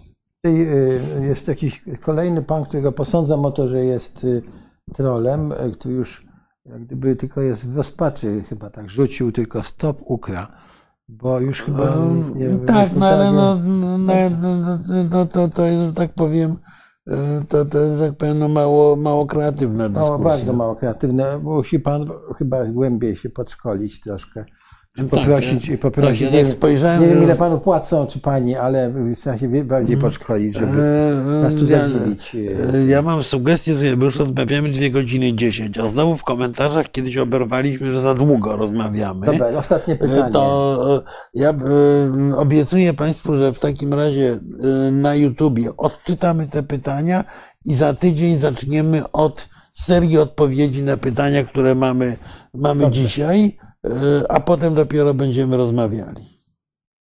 Ja, to, no to e, Na wybierzmy. sam koniec, Na sam e, koniec. zobaczmy. Ja ciągle nie wiem, e, jak państwo o gospodarce mniejsze niż Korea Południowa i ludności mniejszej niż Bangladesz może niby pokonać Zachód. Znaczy, oczywiście to państwo to jest Rosja, no, Yy, dlatego, że to państwo zgromadziło zasoby broni atomowej bardzo duże, dlatego, że to państwo ma ogromne terytorium, a poza tym yy, yy, no, on yy, na razie nie ma możliwości pokonania Zachodu i uświadomi wszyscy, że tej możliwości nie ma. Znaczy, być może ma możliwość zniszczenia świata, chociaż też nie jestem pewien, jak te zasoby rosyjskiej broni atomowej wyglądają, ale nawet, y, y, na, nawet w, tych warunkach to państwo oczywiście posiada gigantyczne zasoby uzbrojenia. Y, Nie ma możliwości pokonania Zachodu i dlatego tego Zachodu nie zaatakowało. Ale. Zbrojnie. mm, Zbrojnie. No nie, no bo. Tak, ale ja rozumiem, że my cały czas tu mówimy o e, tym, że Rosja może pokonać Zachód ten sposób, prawda, że. To znaczy, Zachód Rosja nie może roz- pokonać nie, Zachodu. Zachód może sam siebie Tak. pokonać. Znaczy, Po prostu. e, e, Rosjanie cały czas starają się, żeby Zachód został pokonany przez to, że mają właśnie troli, że wpływają na wybory, prawda? To, co mówiłeś, prawda, e, książkę o tych wpływach Tak. rosyjskich, prawda? Skłócają nas i tak dalej, i tak dalej. Znaczy, ja I, w, ten w, tym, w tym sensie no, udaje im się coś tam, prawda, osiągać. Natomiast, natomiast y, jak mówiliśmy o Ukrainie, która przegrała e, zu, zupełnie, to Zachód jest, i mówiliśmy, postawiliśmy taką tezę, że to by była e, taka Porażka Zachodu. Zachodu taka, że mógłby się rozpaść, na to by Tak. się rozpadło, To prawda? znaczy, nie z dnia Rosja, na dzień. znaczy ja bym powiedział krótko, żeby e, skończyć. E, Rosja nie może pokonać Zachodu, natomiast Zachód może sam przegrać. Tak. To znaczy, Rosja jeśli- nie może wygrać, ale Zachód może przegrać. Ale Zachód przegra wtedy, jeśli Jeśli się człon- podzieli. Tak. członkowie, za- jeśli się podzieli, członkowie poszczególni, kraje poszczególne nie będą pracowały Tak. Mhm. na tym, żeby utrzymać jedność i to dedykujemy także nam. Tak. I, i, I tym z Państwa, którzy tu stawiają te tak zapytania, Dobrze. że Unia się rozpada. Proszę Państwa, Bardzo dziękujemy. Bardzo dziękujemy. Posta- po, po, postaramy się. E, Wyłowimy cie, ciekawe komentarze i Tak. pytania, postaramy się przyszłym razem e, zacząć od tego nasze spotkanie. Tak, bo, bo jednak powinniśmy, te, te programy powinny trwać tyle, ile półtorej strony standardowego meczu Ligi Świątek, a nie tyle, ile ostatni mecz finałowy. Można by stwierdzić, że pewnie tam się więcej ciekawego dzieje, ale, ale staramy się jak możemy. Tak. Bardzo Państwa, dziękujemy. Bardzo dziękujemy. Do zobaczenia do zobaczenia i, do, i miłego wieczoru, miłego tygodnia.